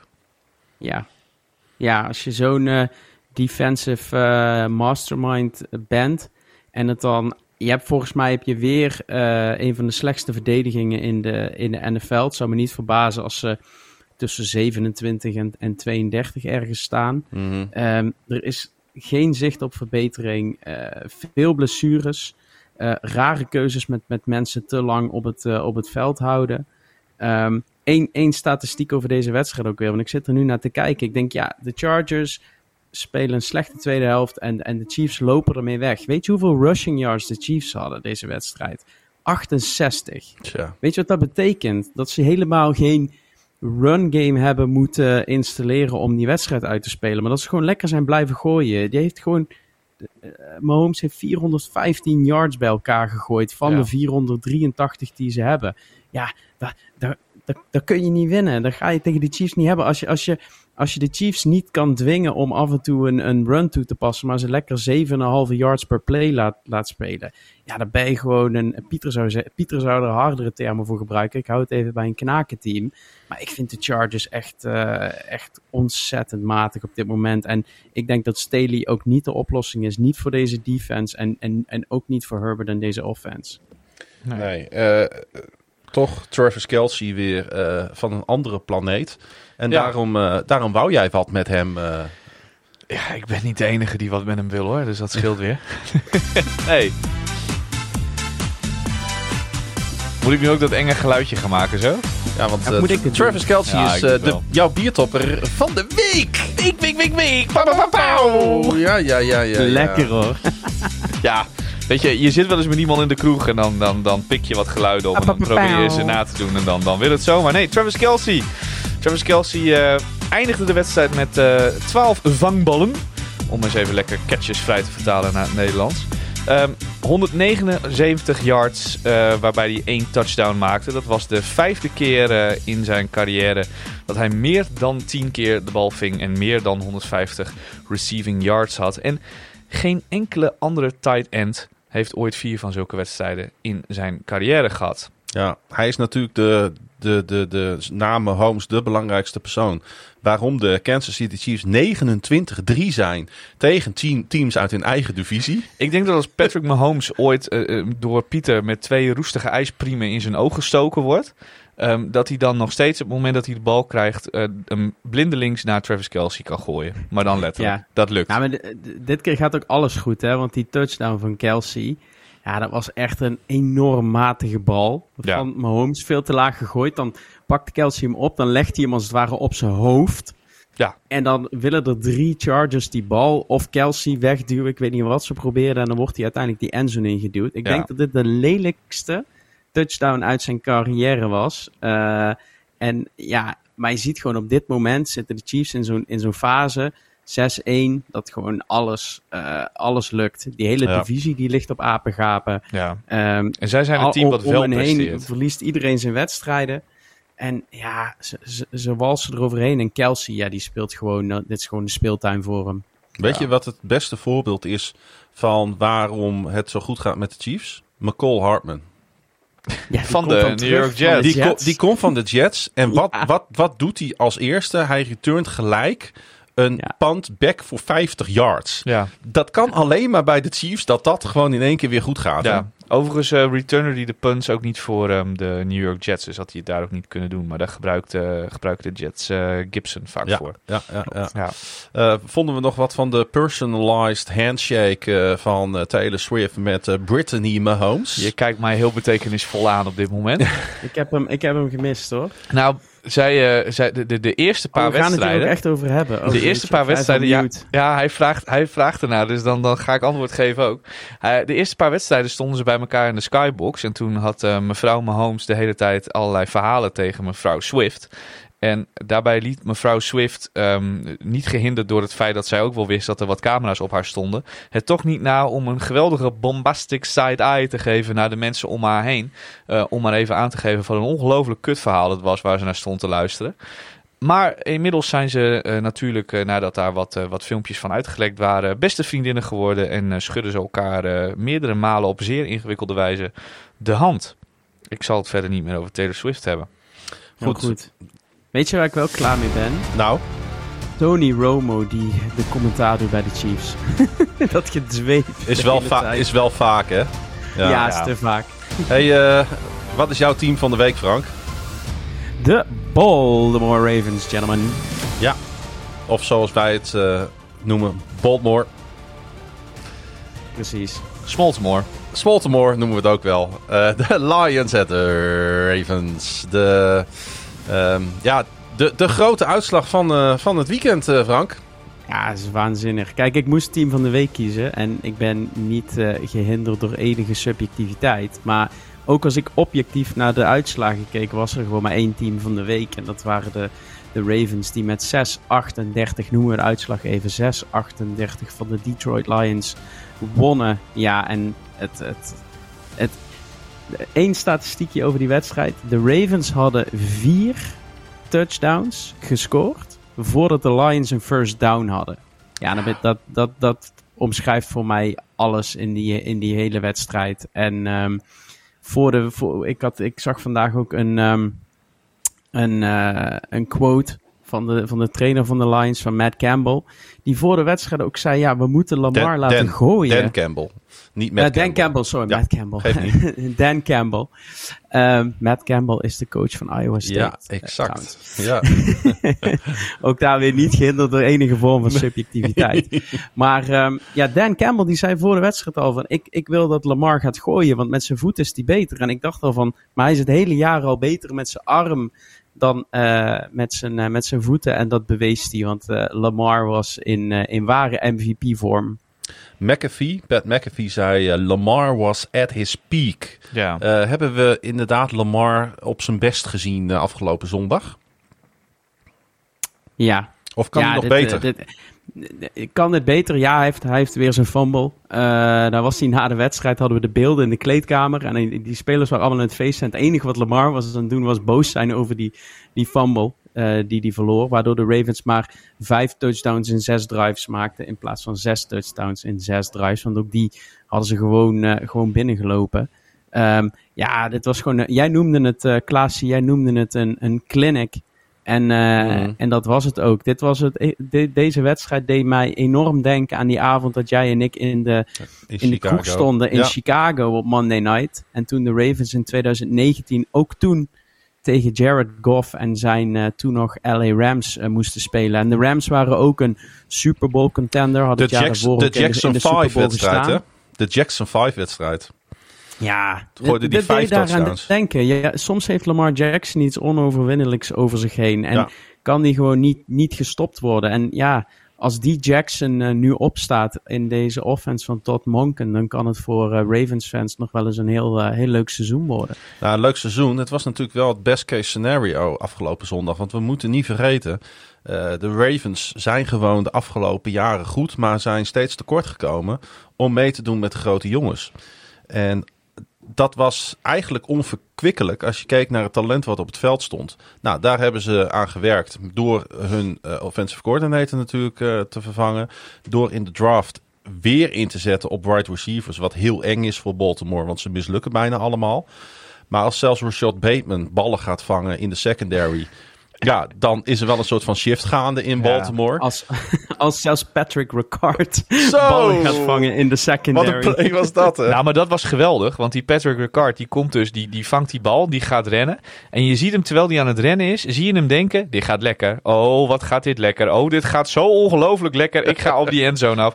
En dan ziet hij een verdediger en dan, dan komt hij daarop af. En dan denkt hij, maar die ga ik voorbij, hè, die verdediger. Oh, ja, die ga ik voorbij, hoor. En dan op het allerlaatste moment, dan zet hij een soort van halve schijnbeweging waarvan hij zelf ook niet helemaal weet wat hij aan het doen is. Ja, een soort van Gamewell Ja, spin. en dan komt er, en dan komt er een, shot waarbij je heel goed die jongen in zijn ogen kan kijken. En dan zie je hem op dat moment denken, ja, eigenlijk kan ik dit ook gewoon niet. Kut. En dan wordt hij toch een partij ondersteboven getackeld. Dat hij ook denkt van, ja, ik ga al liggen, ik ga al liggen, ik ga al liggen. Ik hou hem vast. Oké, gelukkig, we hebben hem nog. Dat, maar het was wel, ja, het was heerlijk om te zien.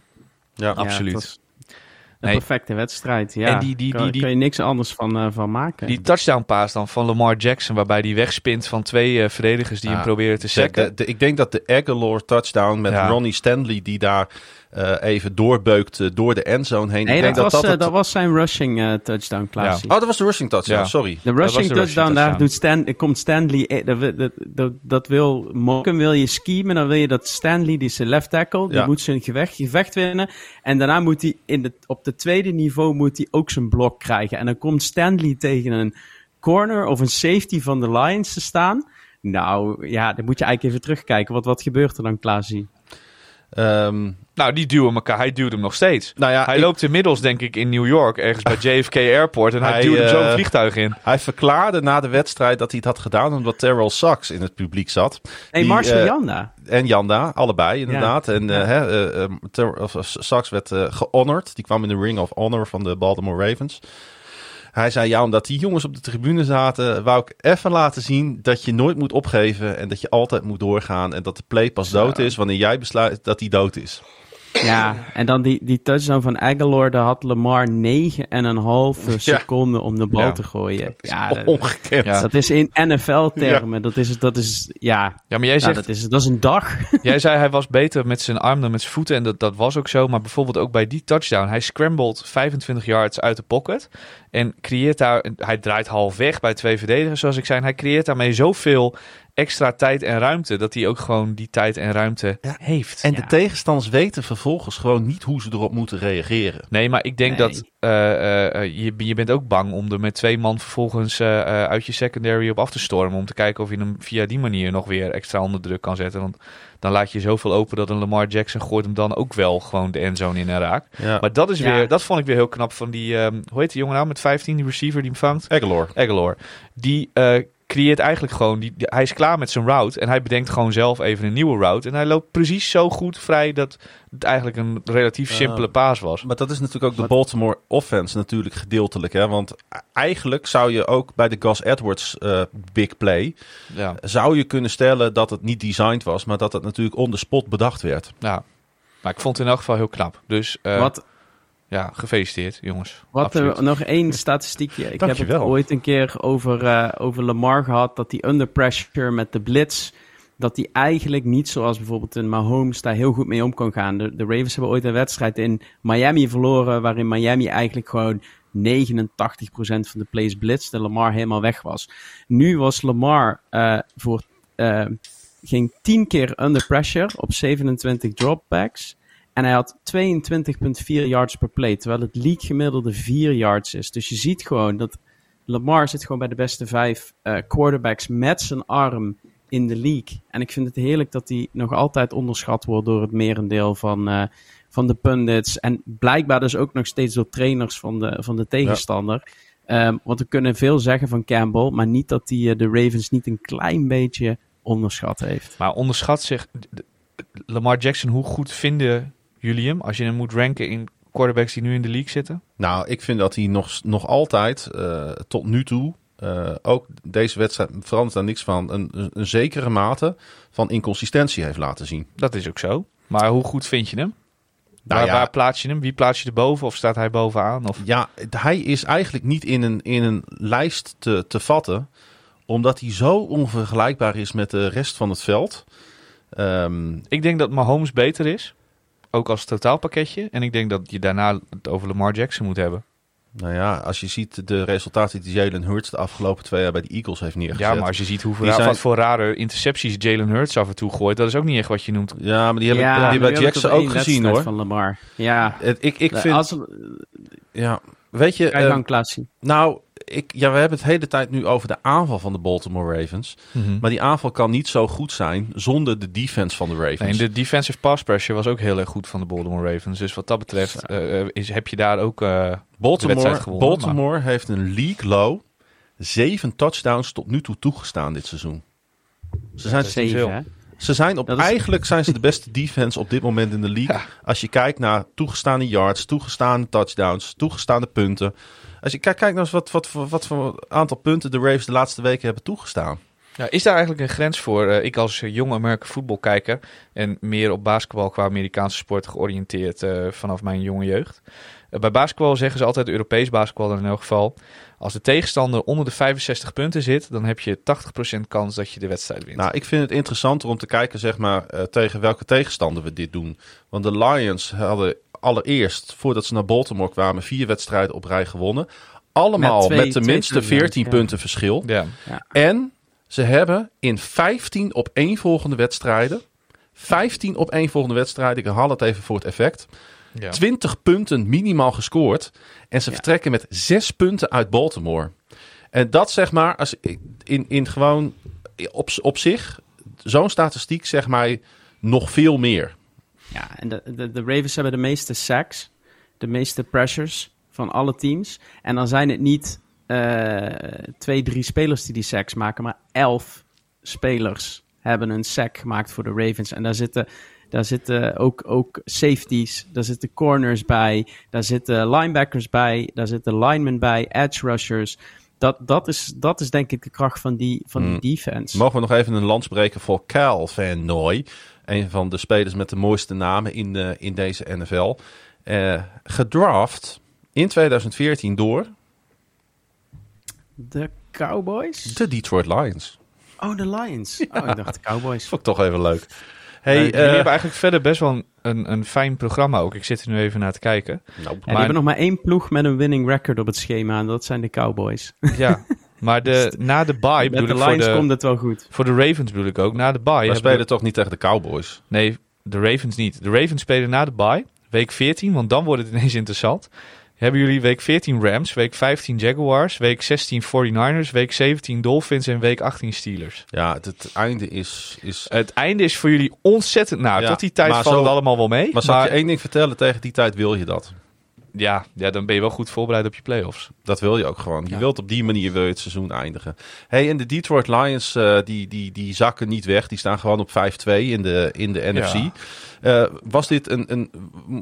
Moeten we dit vergeten, zeg maar? En gaan zij gewoon door met waar ze mee bezig waren? Of nee, was dit zorgelijk? Nee, nee, nee, dit was voor hun de wedstrijd om te bewijzen dat ze echt goed zijn. En dat moeten we nu nog maar eens even gaan zien. Ja, ik denk, ik denk dat, dat teams die dit eens een keer moeten meemaken. De Lions hebben natuurlijk jarenlang niet meegedaan om de knikkers. En altijd leuk uh, gespeeld, zeker het laatste seizoen. Um, ja, ik, ik denk dat ze hier wel, uh, wel uiteindelijk beter van worden. Je moet een keer je vergalopperen aan een tegenstander. Dat hebben ze nu gedaan. Dat gaat ze geen tweede keer overkomen. Ze hebben ook de trainer en, en de coachingstaf, denk ik, om dat, om dat te doen. Waar ik me een beetje zorgen om maak, is de, de pass rush.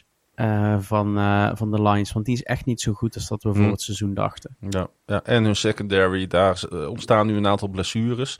Laten we heel eerlijk zijn, daar hadden ze natuurlijk tegen de Ravens ook last van. Ja. Um, um, ja, ik, maar het, ja, goed. Uh, weet je, ik ben heel benieuwd nu naar gewoon ook hun volgende wedstrijd. Want hoe gaan ze hiervan recoveren? Dat, hè, ik zeg altijd, je wordt meer gedefinieerd door wat je doet na verliezen dan wat je doet na winnen. Dat is ook zo. Dus ik ben erg benieuwd naar het vervolg van de Lions. We gaan naar uh, New Orleans. Want Jacksonville Jackson, Jacksonville, Jackson, Jacksonville Jaguars. Quarterback Trevor Lawrence, die speelde met uh, ja, een, een, half kapotte knie.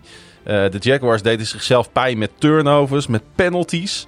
En toch waren ze goed genoeg om op een dramatische manier van de New Orleans Saints te winnen, Frank. Ja, dit was uh, de Thursday Night Football 31-24. En ik noem de uitslag even. um, ja, ik heb die wedstrijd dus helemaal zitten kijken. En dat was eigenlijk heel leuk.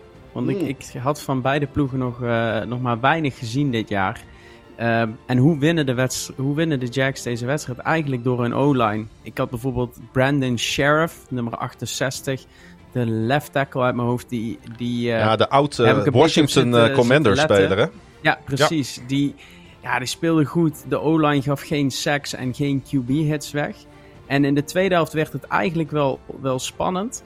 Maar um, ja, deze wedstrijd was eigenlijk gewoon een microcosmos van het seizoen van de Saints. Wat zei ik nou in de, in de chat? De Saints moeten 200 yards afleggen om er 100 verder te komen.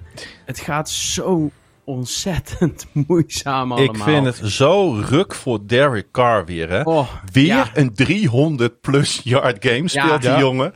Weet je, en, en, en, en die divisie die ligt wagenwijd open. Die echt, de, Saints, hij, de Saints hoeven alleen maar te bukken om hem op te pakken.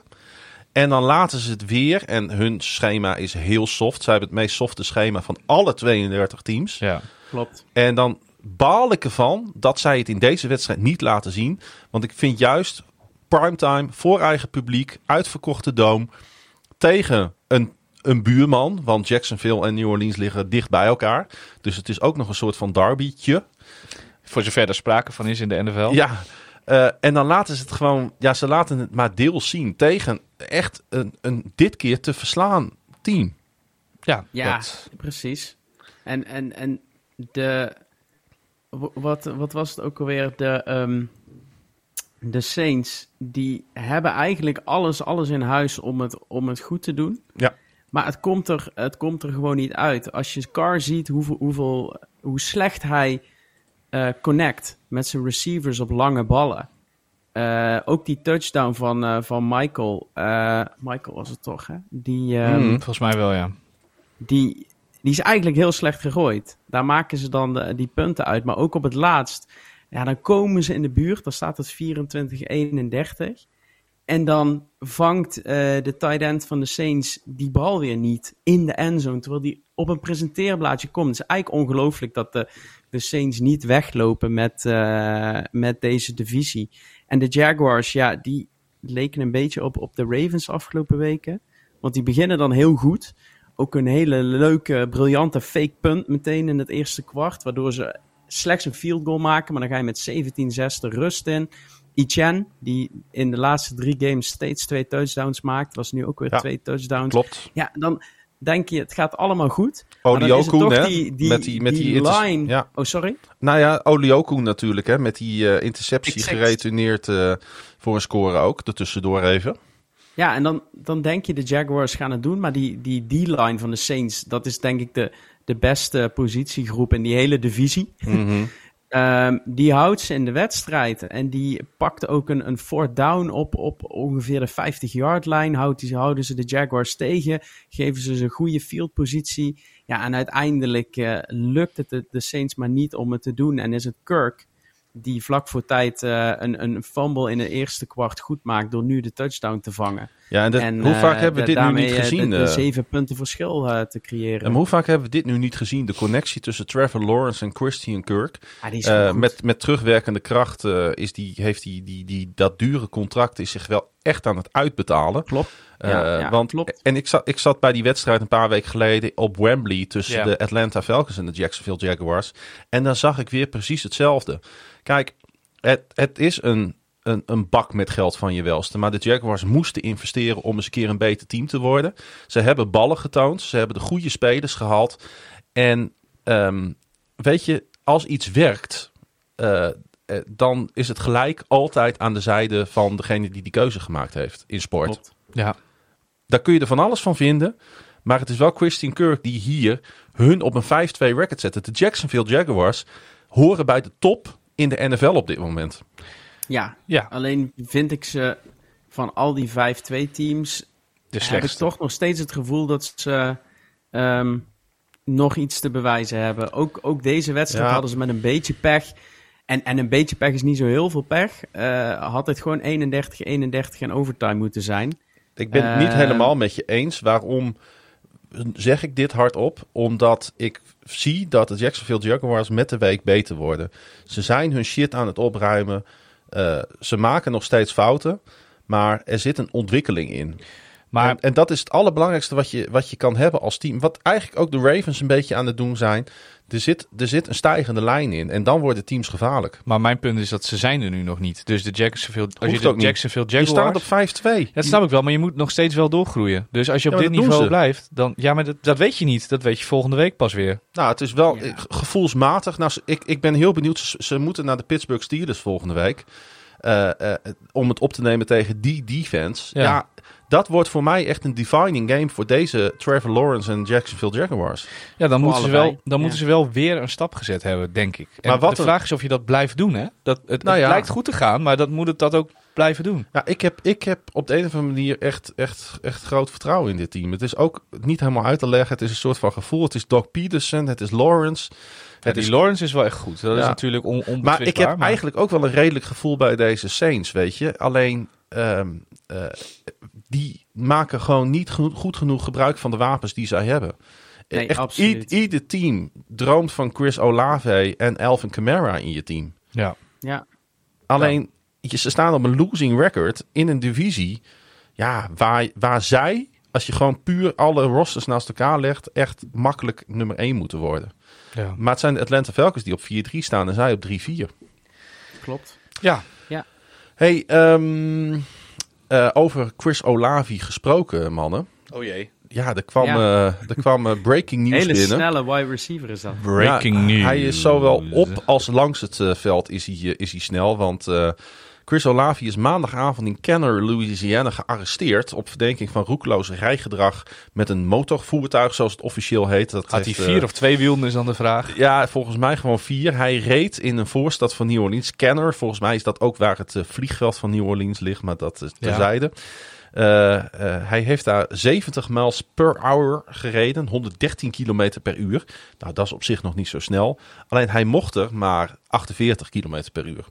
Dus dat is een overschrijding van, als ik even snel tel, zo'n eh 60 kilometer per uur. Ja, dat noemen ze ook wel een, in Amerika hebben ze daar een mooi woord voor. A criminal amount of speed. Ja, ja nou, dan Ja. noemen ze alles wat, ze, wat, wat veel is, noemen ze criminal. Ja, Ja. a criminal amount of speed. Precies. Eh, hij mocht wel weer naar huis na het nodige papierwerk.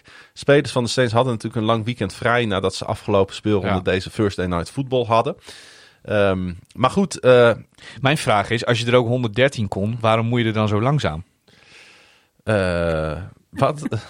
ja, Ja, oh je ja, kon zo. er 1113, Ja, waarom ja, mag je er dan maar Ja, maar- 50? Ah, dit, is, dit is typisch een opmerking van een BMW-rijder. dat is wel waar, ja. ja.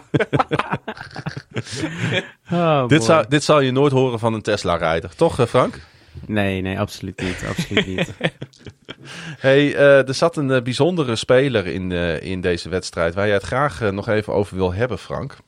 Oh god, hij moet even nu op zoek naar een muziekje, zie ik. Dan bedoel ik Klaas-Jan Terveen. Ja, eh, want eh, we hebben hem niet meer op het apparaat staan, maar ik ga hem wel heel langzaam ga ik hem, eh, ga ik hem hier eh, tevoorschijn toveren. Ja. Ja, ik dacht, als jullie hem eh, niet eh, terugbrengen, dan eh, neem ik zelf gewoon het heft in handen. Nou. Want ja, een NFL op woensdag zonder Who's That Man is eigenlijk geen NFL op woensdag. En het is nationale, of het was Nationale Tight Ends Day op zondag. En ik zag Foster Moreau, de tight end van de New Orleans Saints, die bal missen, niet vangen, door zijn handen laten glippen om op de gelijkmakende touchdown. En ik dacht, jeetje, moet je dit nou weer overkomen? En toen dacht ik bij mezelf, maar ken ik die Foster Moreau niet ergens van? En toen ben ik even in zijn, eh, in zijn leven gedoken. En daar zit eigenlijk ook wel weer een enorm verhaal in deze eh, jongen.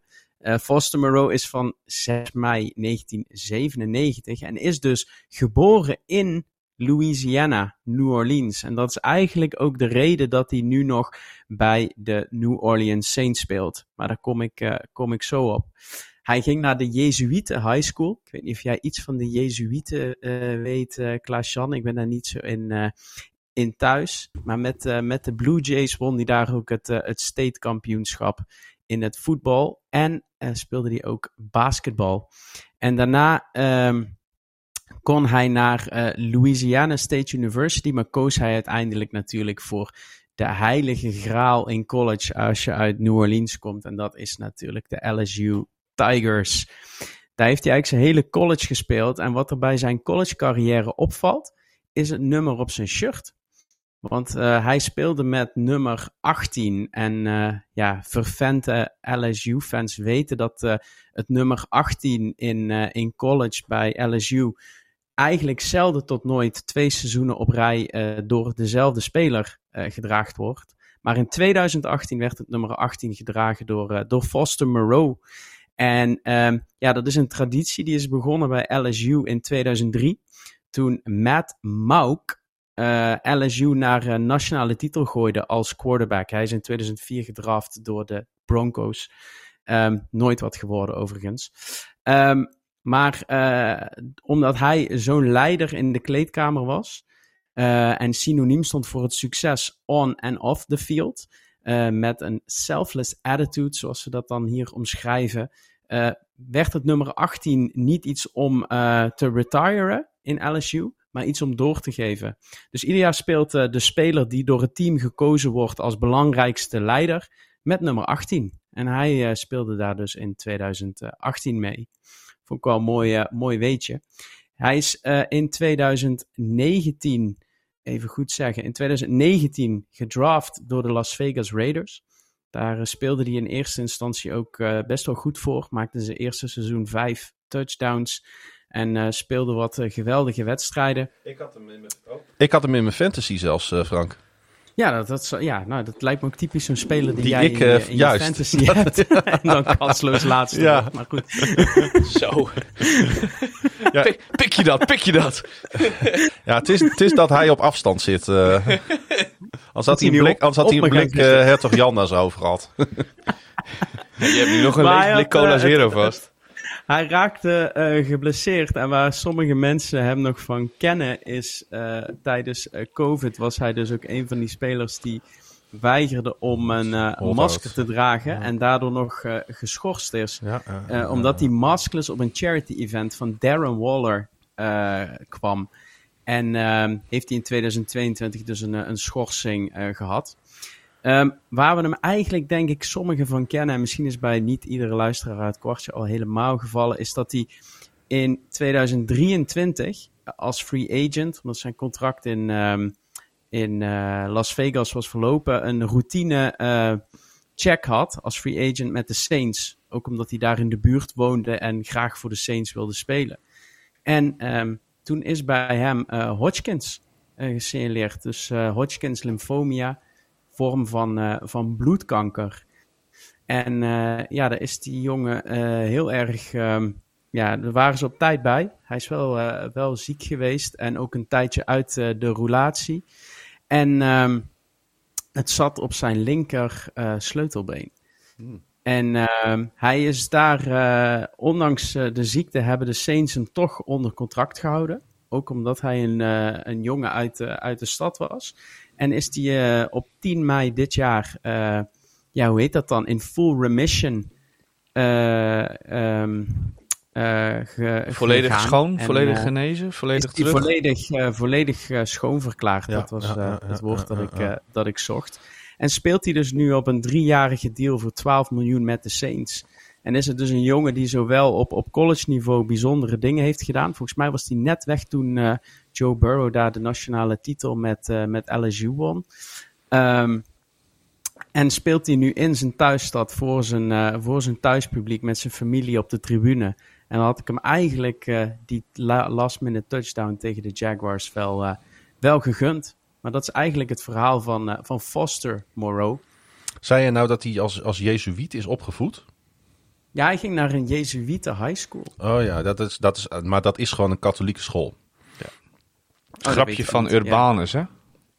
Ja. De wedstrijd tussen een Jezuïet en een bruin paters.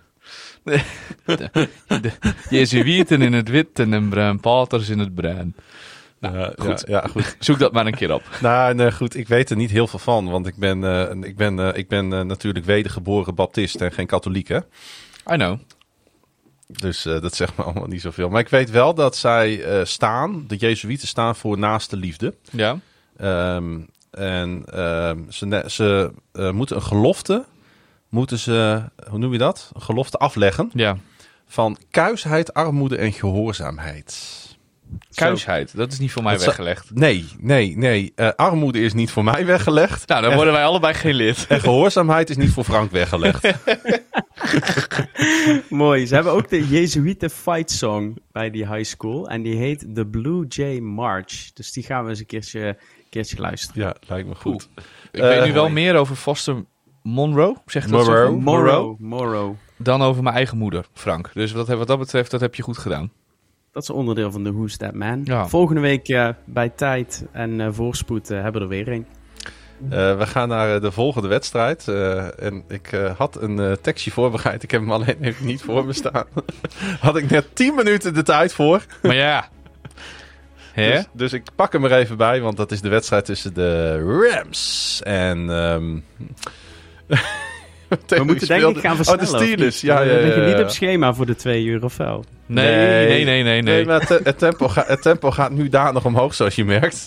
Ja. ik kan hem gewoon helemaal niet meer vinden. Wat hebben we? De- Ik laat je ook gewoon lekker even... eh, Het was Steelers-Rams, je weet wel. 24-17. Steelers Rams. Ja, kunnen we overslaan, Klaasje. Daar hebben we helemaal niks over te zeggen. Nee. eh Ah ja, ik, hier heb ik hem. Ja, 17. 24-17 was het inderdaad. eh, en dat betekent dat de Steelers eh, blijven meedoen in de AFC. En daarmee natuurlijk ook de AFC North na die felbevochten comeback overwinning in Los Angeles. Met eh vierde kwart touchdowns van Jalen Warren en Najee Harris. En ehm, de Steelers die, eh, ja, moeten we het gelijk maar erover hebben. eh, geholpen werden door de scheidsrechters met die genereuze fourth down spot. Eh, wat vond jij daarvan Frank? Was het een fourth Ja, down nou of ja, niet? ik- nee, dat, was, dat, dat, we- dat kon iedereen uiteindelijk zien. Dat was hem Het niet, was, hè?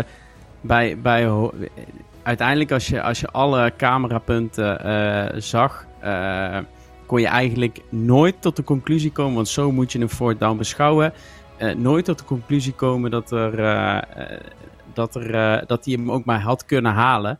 En dan mag je hem eigenlijk gewoon niet, niet geven.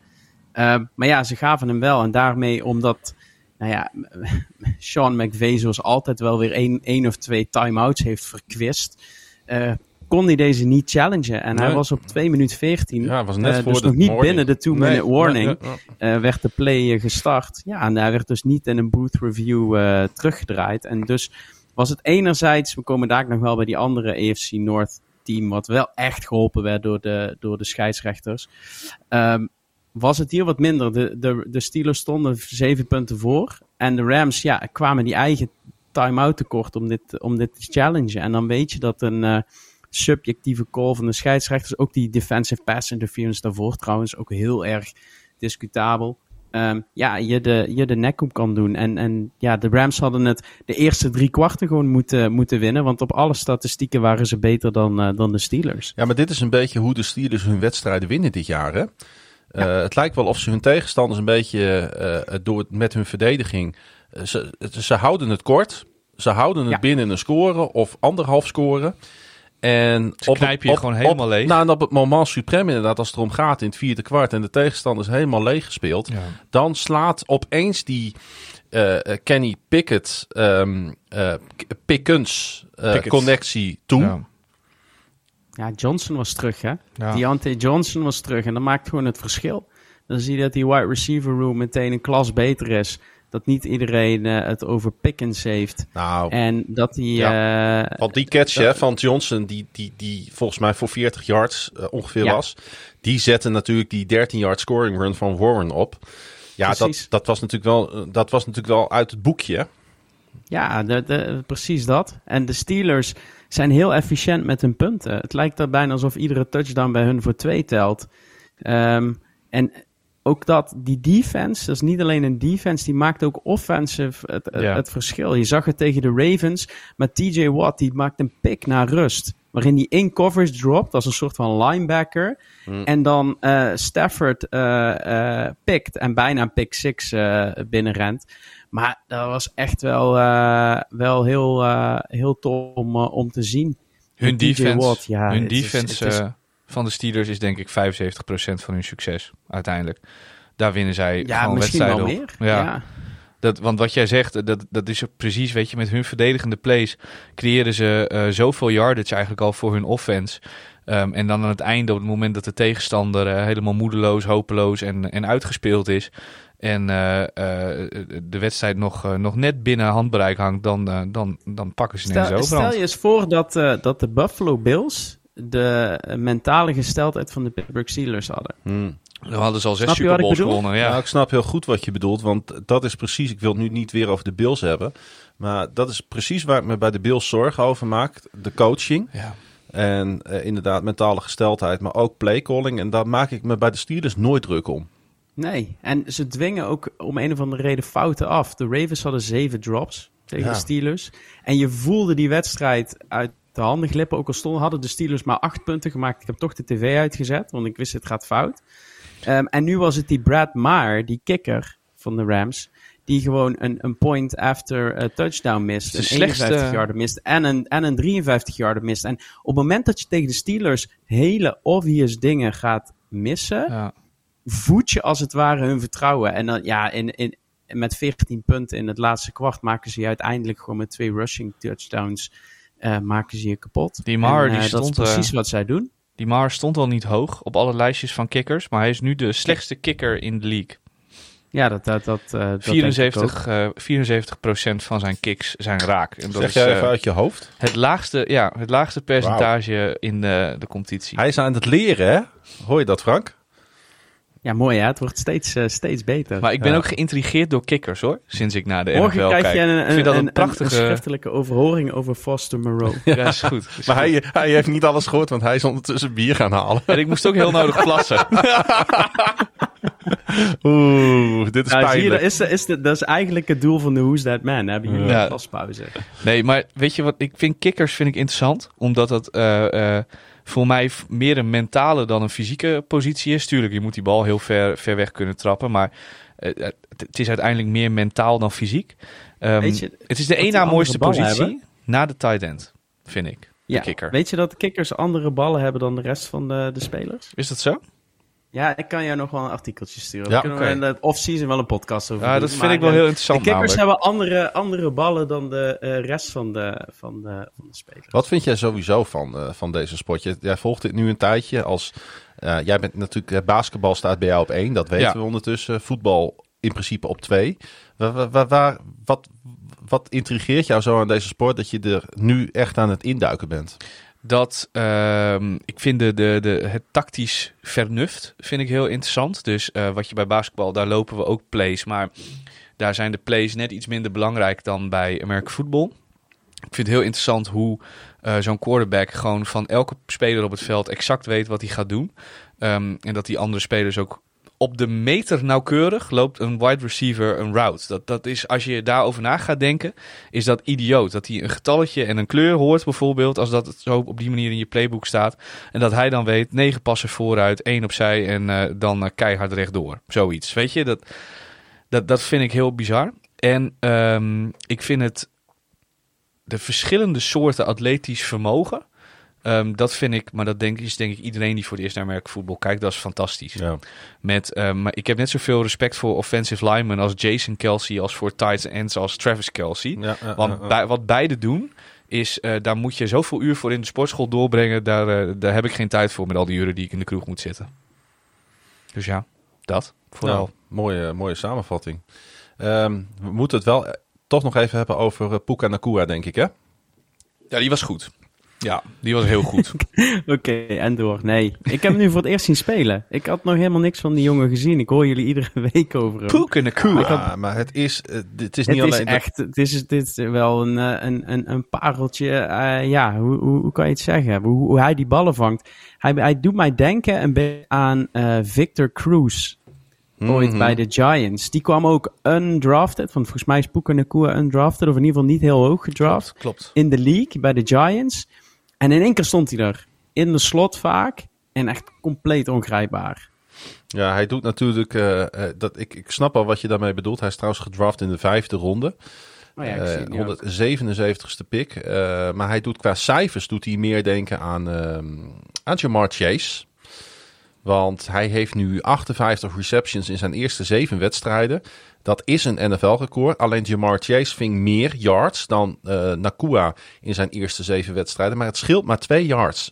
754 om 752. Hey, ehm, de Steelers die houden natuurlijk op deze manier gelijke tred met zowel de Browns als de Ravens. En de eh, Bengals zitten er met 3-3 natuurlijk ook niet zo heel ver achter, Frank. Eh, ja, this is still the best division in football or not? Ja, nog niet, nog niet een beetje eh, een, eh, een close call. Eh, de AFC Noord is de sterkste divisie in het, American Football. Geen Ja. enkel team onder de 500. Ik denk dat geen enkele andere divisie 2 teams boven de 500 heeft. Zeg ik heel even blunt uit mijn hoofd. Maar ja, ik, het, het, het- aan de ene kant is het goed voor de teams. Want ze, gaan ook, ze maken elkaar ook beter. En iedere week ja, moet, je, moet je je potjes blijven winnen. Ik sluit ook niet uit dat er vier teams uit de AFC Noord dadelijk eh, tien wins hebben en naar de playoffs gaan.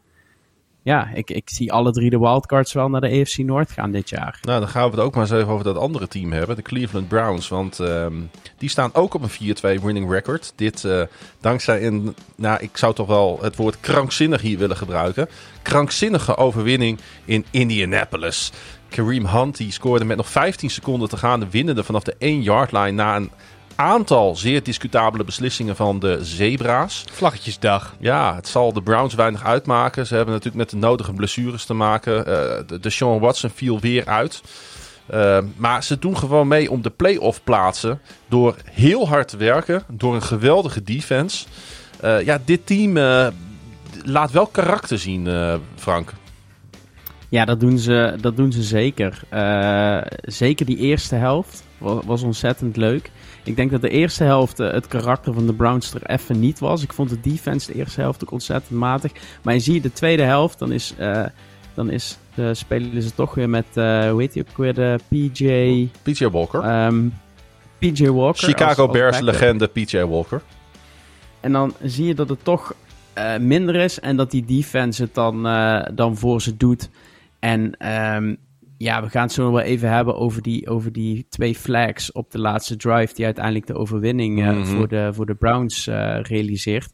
Maar ook bijvoorbeeld zo'n eh, signing van Hopkins van de Chargers, die kicker. Ja. is echt een hele goede signing. En ook weer het, het volgende brevet van onvermogen van de Chargers. Dat ze die jongen na, na een trainingcamp dan, dan wegdoen. En dat hij op een moeilijke kickingplek, want dat is Cleveland, dat hij het gewoon iedere week weer, eh, weer voor ze doet. Dus ja, ehm, eh, de, de, de, de Browns winnen hun wedstrijden niet zo dominant als dat bijvoorbeeld de Ravens het eh, de laatste weken doen.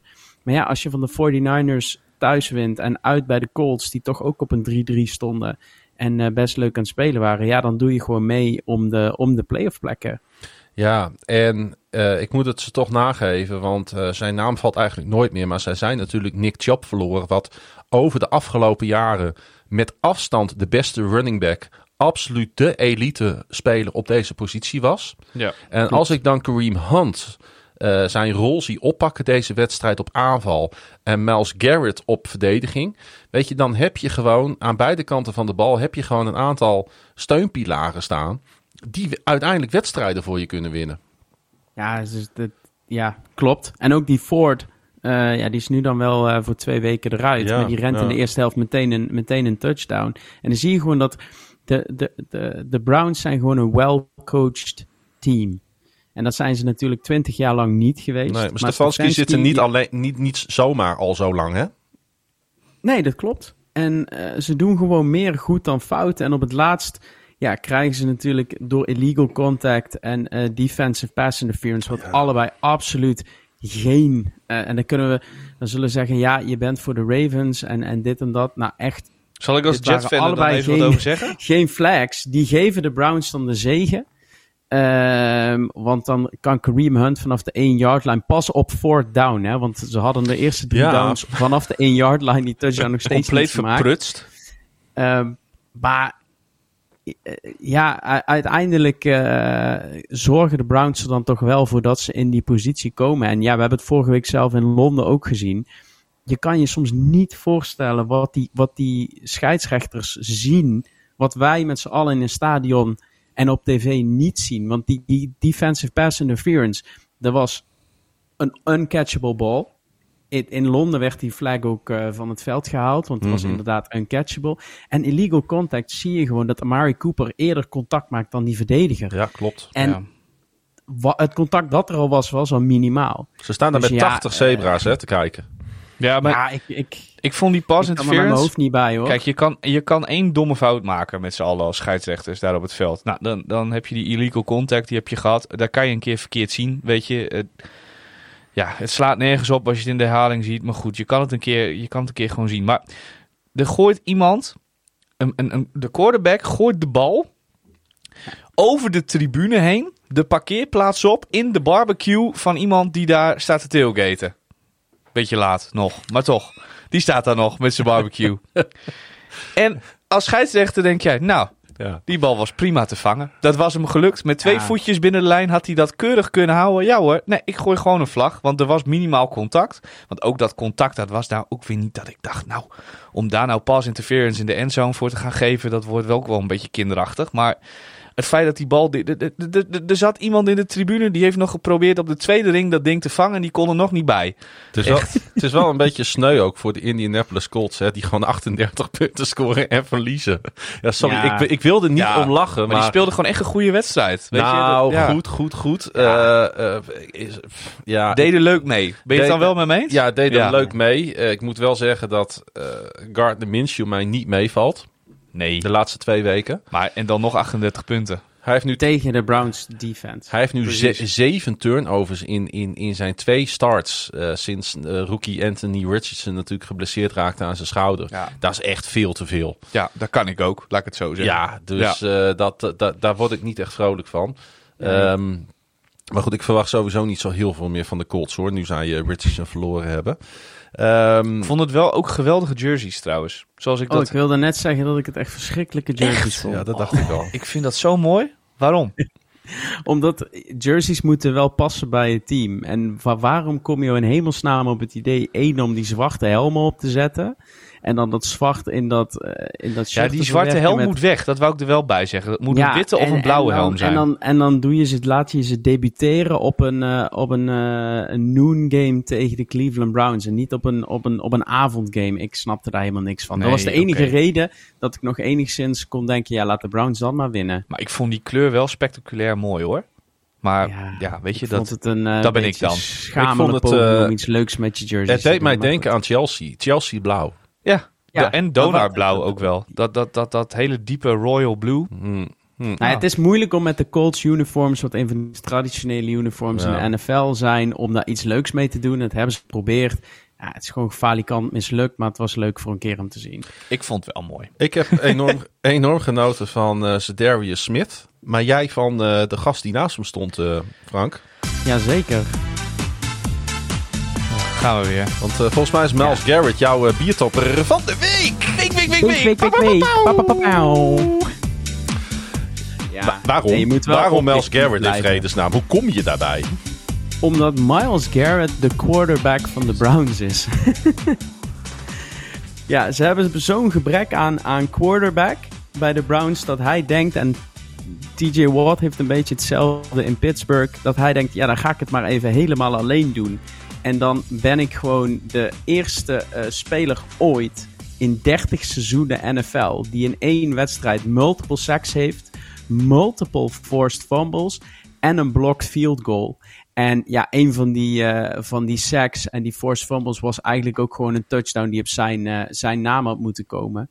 Ehm, maar hij beslist eigenlijk, als je onderaan de streep kijkt, beslist hij gewoon in zijn eentje die, die wedstrijd. En denkt hij, ja, kan, me, kan mij het verrekken dat we geen quarterback hebben. Dan zorg ik zelf wel dat er... Hij zorgt zelf voor zeven punten met die forced fumble in de endzone. Ja. En hij blokt er drie weg. Dus eigenlijk is hij verantwoordelijk voor, in zijn eentje verantwoordelijk voor het hele verschil tussen de Colts en de, en de Browns. En die, die, als je die forced of eh, die, die blocked field goal nog niet gezien hebt, je mag dus bij een field goal wel voorbij de lijn, maar alleen als je de, eh, de, de verdedigers niet raakt. En Miles Garrett weegt 130 kilo ongeveer. En die springt over die line heen. Om dan vervolgens op te staan, op te springen. En dan die field goal te blokken. Ik heb nog nooit zoiets gezien. Een van de meest atletische plays die ik ooit, eh, ooit in mijn leven heb gezien. En hij maakt in, in zijn eentje maakt hij gewoon week na week na week het verschil. En hij is voor mij ook echt met afstand eh, frontrunner voor Defensive Player of the, of the Year in de, in de NFL. En daarom voor mij ook een terechte eh, biertopper van de week. In de kroeg eh, keek ik eh, samen met, eh, voor Klaas-Jan en misschien voor jou ook wel Frank, de bekende Anton van de kroeg. En Anton die zat- Iedere kroeg heeft een Anton. Iedere kroeg heeft een Anton. En Anton die zat naast mij en die kijkt mij aan en die zegt... Mag dit? Bij die block field goal. Ik zeg, nou, als je niemand raakt, dan, dan mag dit. Waarop Anton mij aankijkt en zegt: Waarom doet dan niet iedereen dat? Ik zeg, Ja, nou Anton, ik stel voor dat eh, we hier even een paar barkrukken neerzetten. Want zo hoog moet je ongeveer springen. En dat jij dan even vanuit bijna stilstand daaroverheen springt. Pro- probeer eens, zou ik zeggen.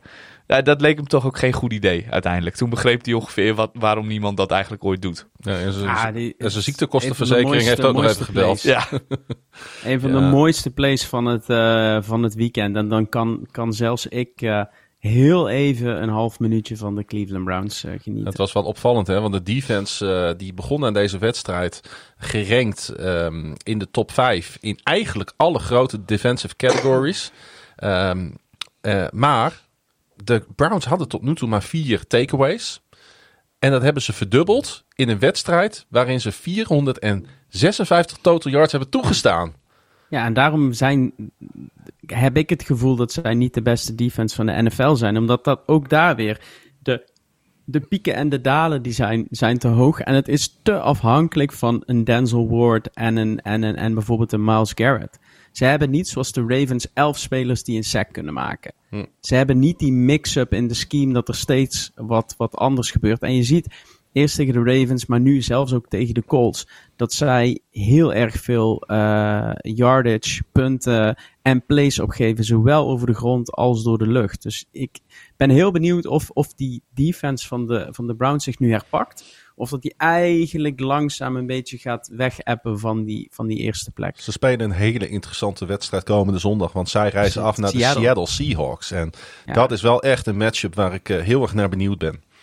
Ja, het is, eh, het is Seattle tegen Pittsburgh. Het is de Ravens tegen de Cardinals. En het is de 49ers thuis tegen ehm, de 49ers thuis tegen de Bengals. Dus de, de, Ja. de AFC North vliegt naar de AFC West. Seattle tegen Pittsburgh. zei Seattle tegen Pittsburgh. Seattle tegen Cleveland. Ja, toch? ja. Eh, Seattle tegen Cleveland, excuus. Ja.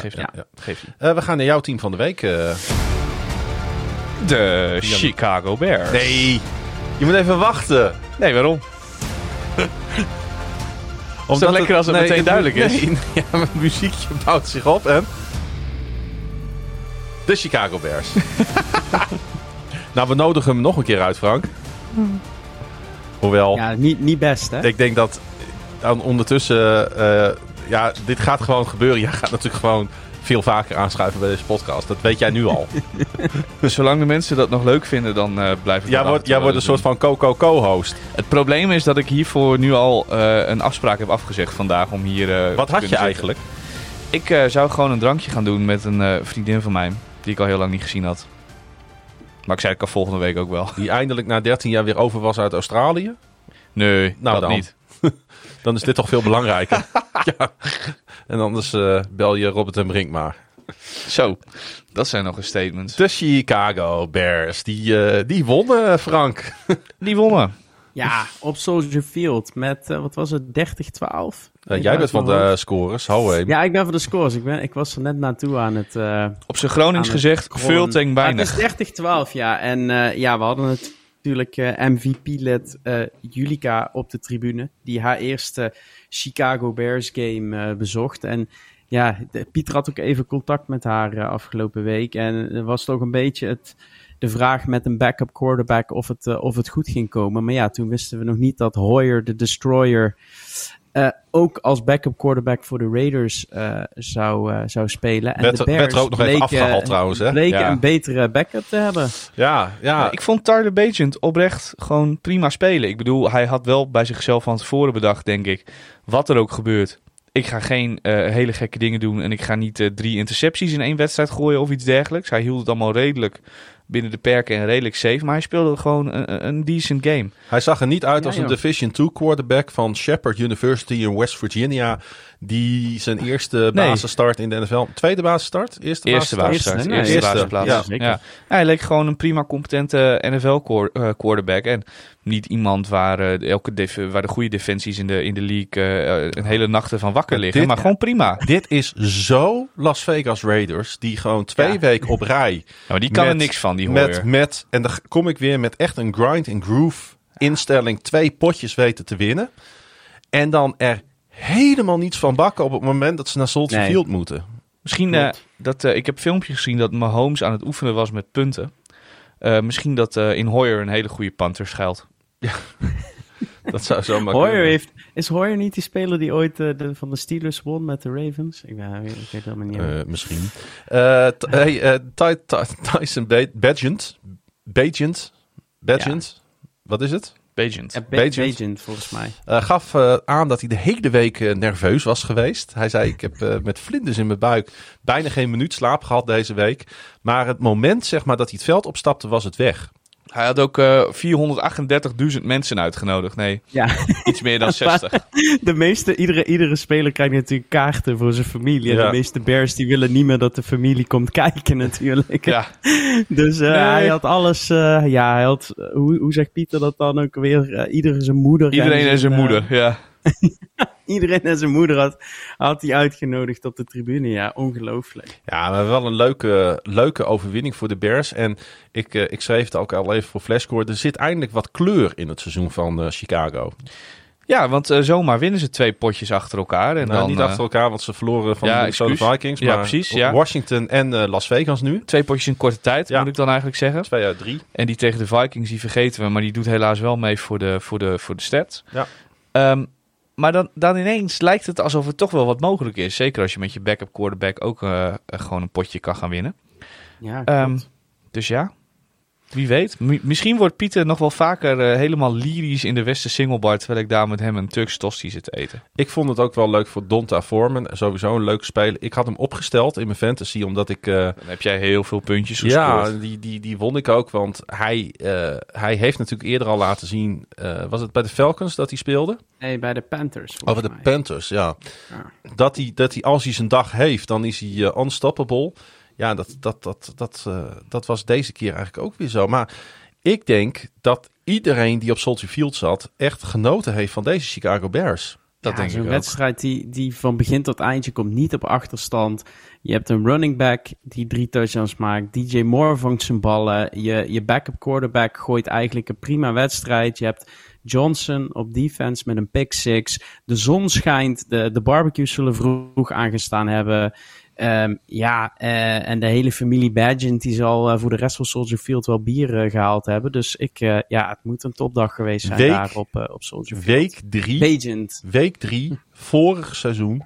de laatste keer dat Chicago Bears een thuiswedstrijd wonnen. Zo. Ja, Je zal al het geld betalen voor een seizoenkaart. en dat was tegen de Houston Texans... die op dat moment echt, echt, echt, echt Garbage waren. ja, ja, Oh, erg hè? jeetje. Ja, dus, Ja, dus- nou ja, mooi, mooi voor, eh, ook voor Julika, mooi. Nou, kijk, weet je- daar juist daar erbij was. Ik, ik, ik, Jij kent Julika een beetje, Ik hè? ken Julika inmiddels een beetje. Ik denk dat ze haar Fields jersey inmiddels ingeruild heeft voor een Bajan jersey. Ehm, dat denk ik. Maar weet je wat het leuke is? Of het leuke en het droevige tegelijk bij de Chicago Bears. Toen ik begon, dus begon met NFL kijken, dan zegt Klaas-Jan tegen je, je moet wel even een team kiezen, want dan wordt het extra leuk van. Nou, dan doe je daar een tijdje over, dan ga je er even over nadenken. Nou, dan zegt Klaas-Jan niet, je moet voor de Ravens zijn. Eh, maar hij laat wel weten dat hij het wel zou waarderen op het moment dat je voor de Ravens zou kiezen. Ehm, ik wilde alleen niet voor een team zijn waar iemand al voor was die ik kende. Ehm, maar Pieter zegt gewoon keihard tegen je wat je ook doet. Die, die pak je met twee handen bij je schouders. Die kijk je diep in de ogen. Je ziet de, de, de, de, de tranen zie je langzaam komen opwellen bij hem. Die kijk je diep in de ogen en die zegt wat je ook doet beste jongen. Je bent nog jong. Kies niet de Chicago Bears. Het is verschrikkelijk. Het is het allerergste wat je kan overkomen in je hele leven. Dat je van een team gaat houden wat gewoon structureel teleurstelt. En je bent Ja. al voor FC Groningen, zei hij tegen mij. Dus doe er niet ook nog de Chicago Bears bij. Nou, na deze stat begrijp ik helemaal wat hij daarmee bedoelt.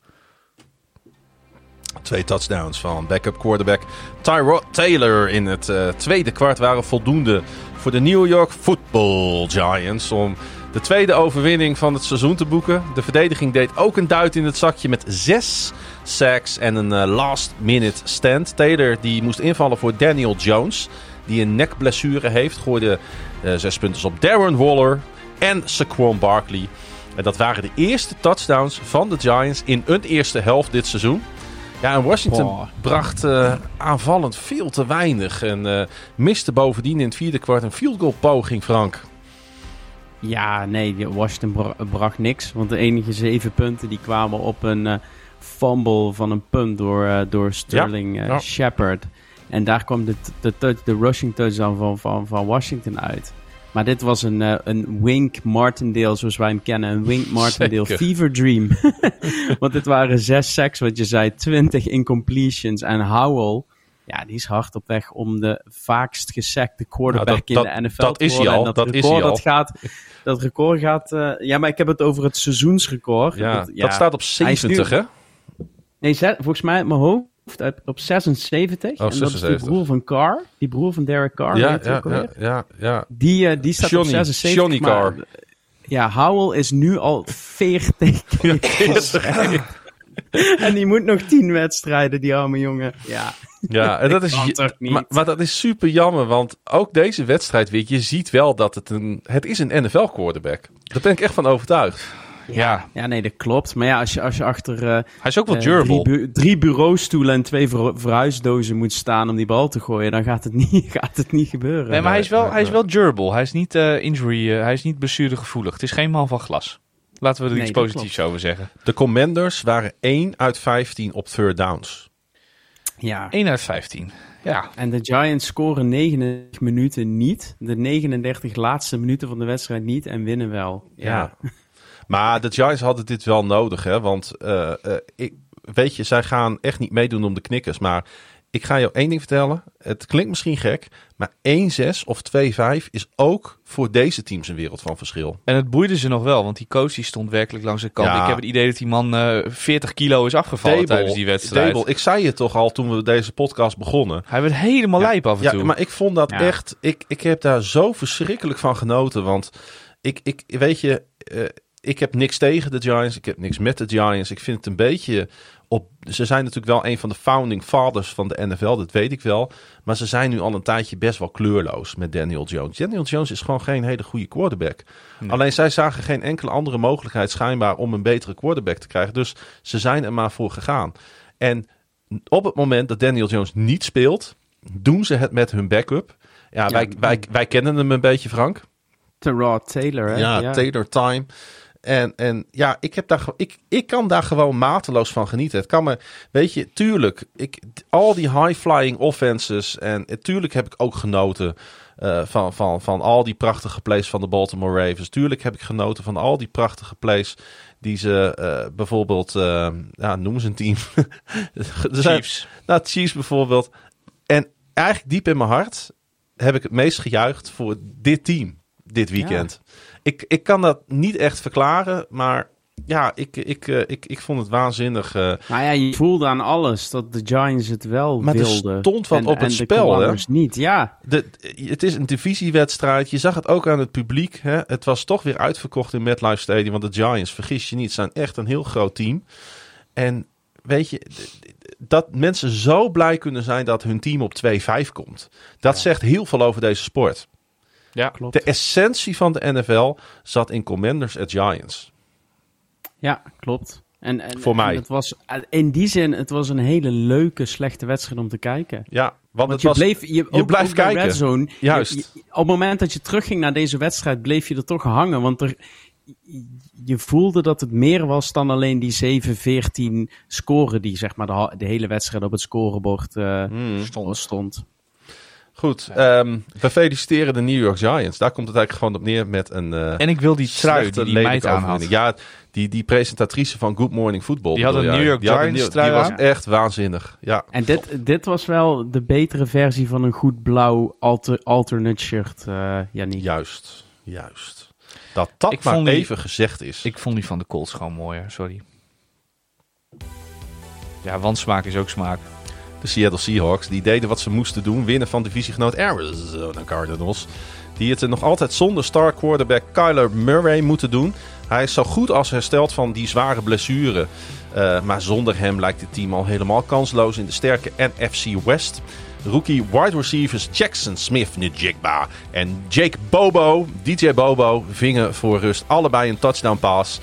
Kenneth Walker III rende voor een season high 105 yards. En ook zonder star receiver DK Metcalf wisten de Seattle Seahawks dus te winnen. En ze doen daarmee nog altijd volop mee voor een plekje in de playoffs.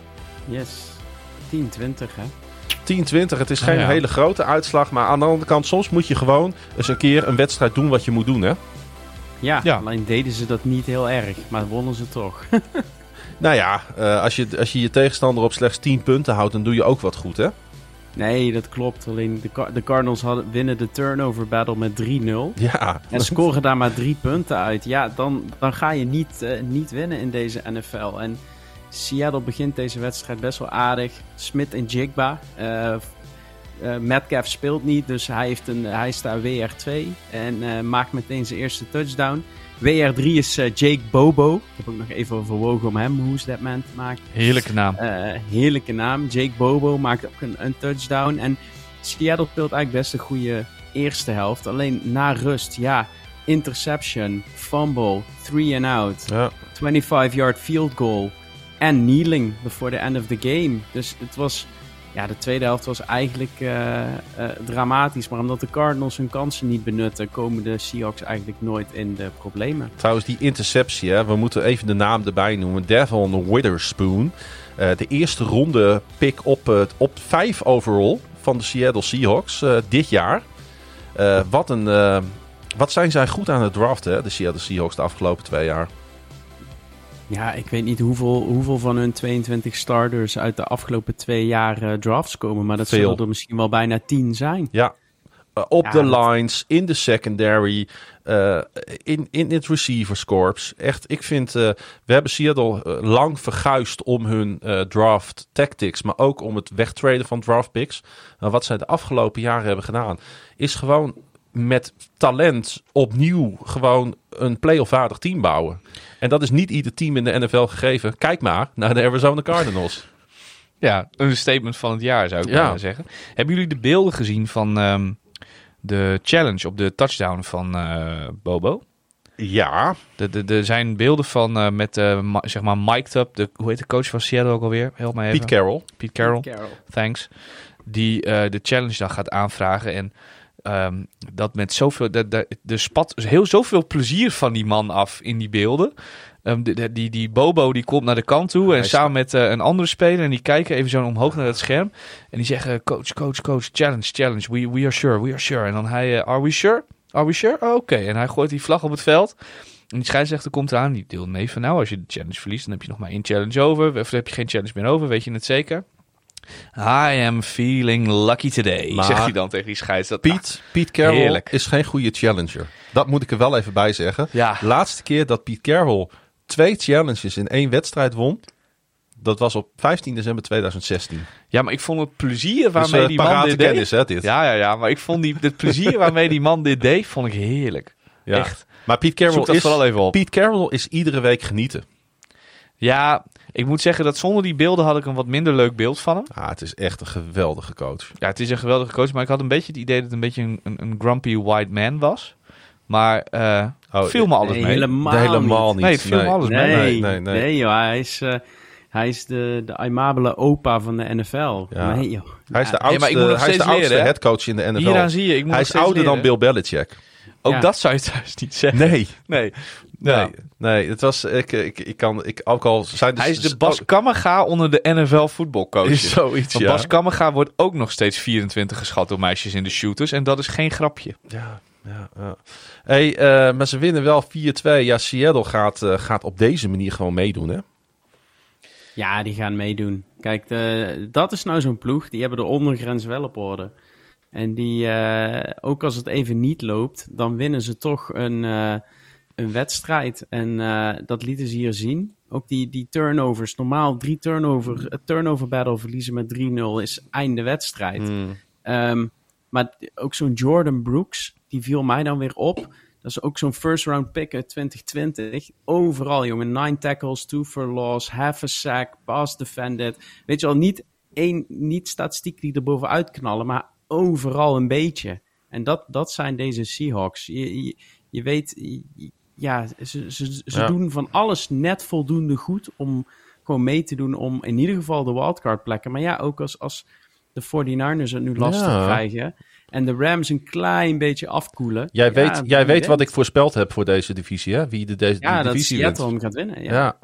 Ja, Ja. Ik luister ook zelf wel. Hè. ja, heel goed. Eh, Jij bent toch die ene luisteraar uit België die altijd eh, op de radar komt. Oh. Oh. Jordan Brooks, die trouwens ook betrokken was bij dat incident met Humphries, hè? Die eh geëject werd omdat Ja. hij in contact kwam Oh, met een ja. official. Daar Ja, zat. Brooks ook bij.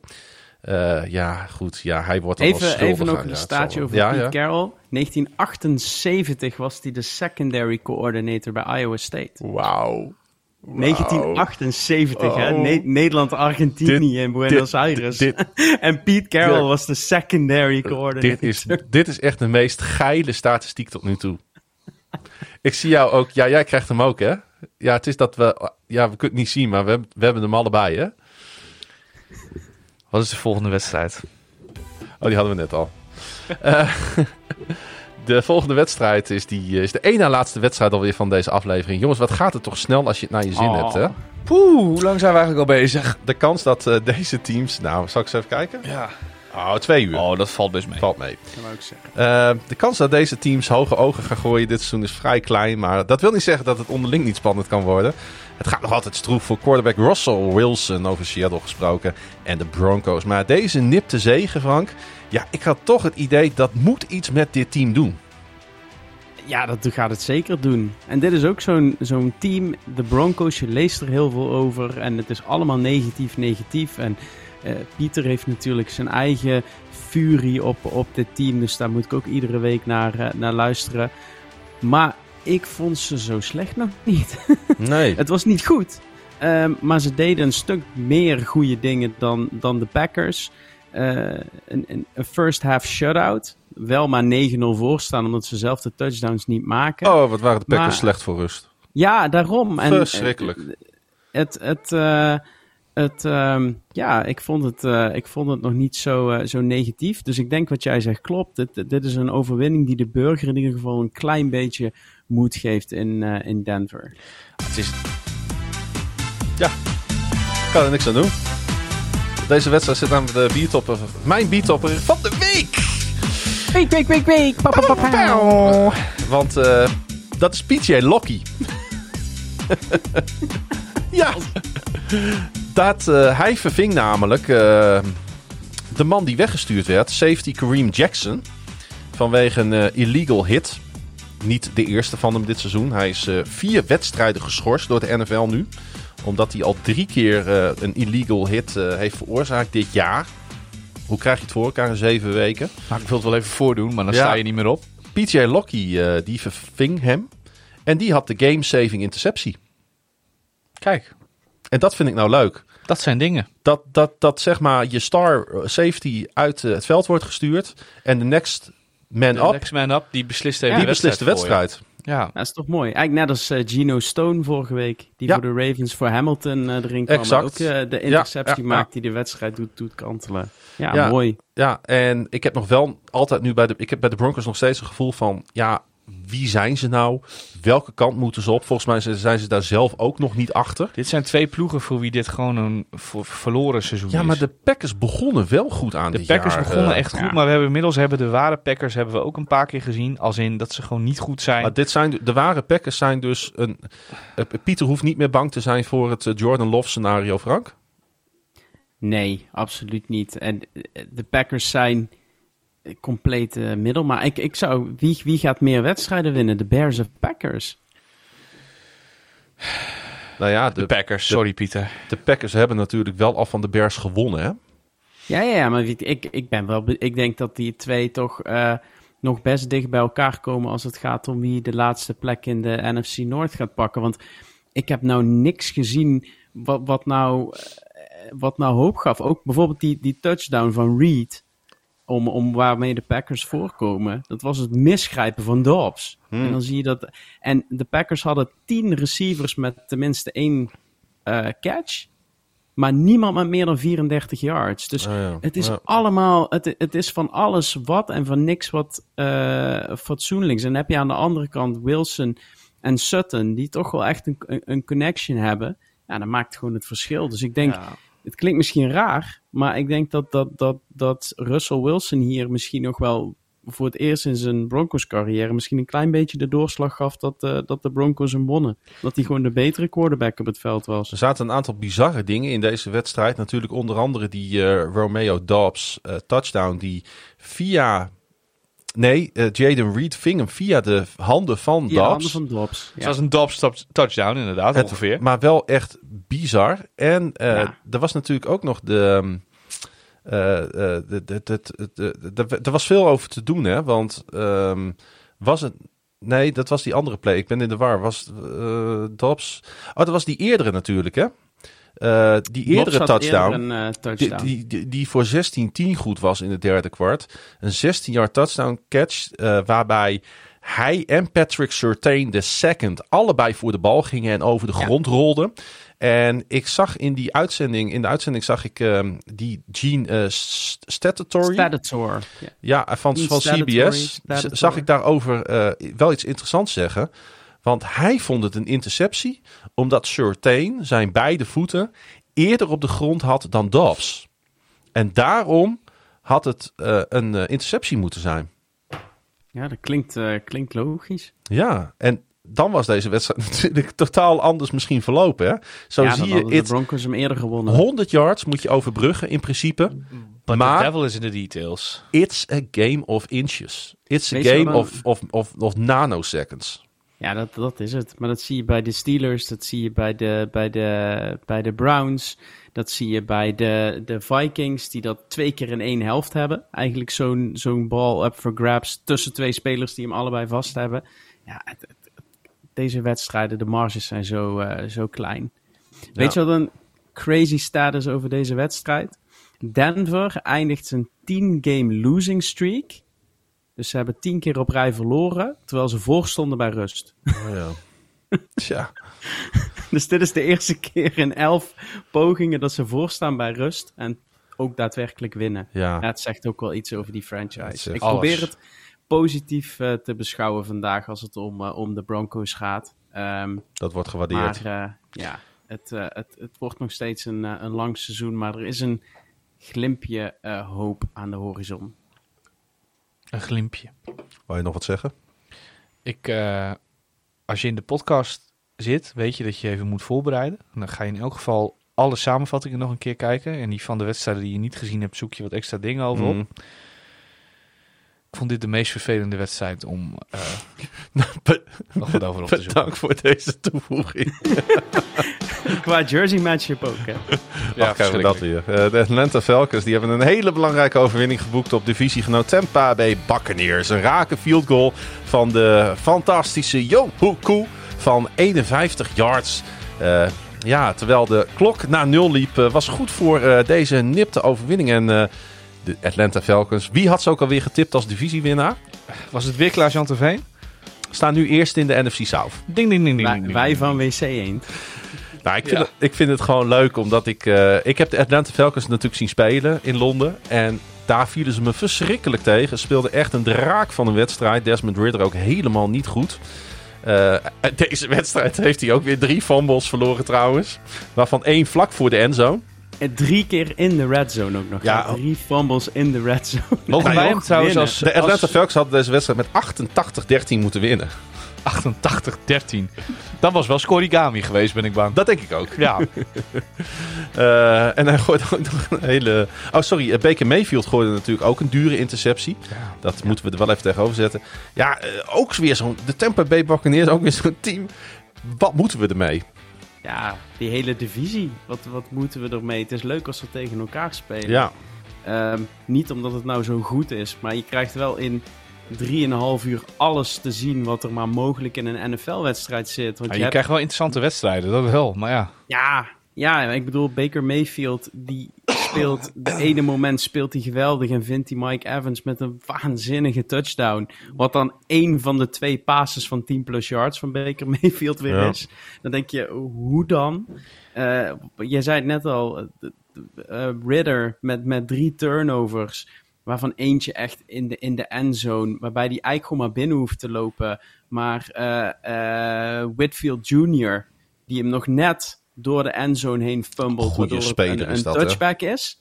Ja, en dan blijft het 13-10 voor, voor Atlanta. En uiteindelijk eh, wint Atlanta hem ook, omdat het gewoon daarna bij, bij field goals blijft. En oh, heb je die, heb je die, eh, die fumble touchdown eh, van Drake London gezien? Waarbij die in de lucht op de kop hangt. Ja, ja, ja, ja, ja, ja, ja. Die breekt bijna zijn nek op vier verschillende manieren. Zo, omdat, ja, je moet het eigenlijk terugkijken, want het is te raar om, om, om te omschrijven. Maar Drake London wil met die bal de endzone in.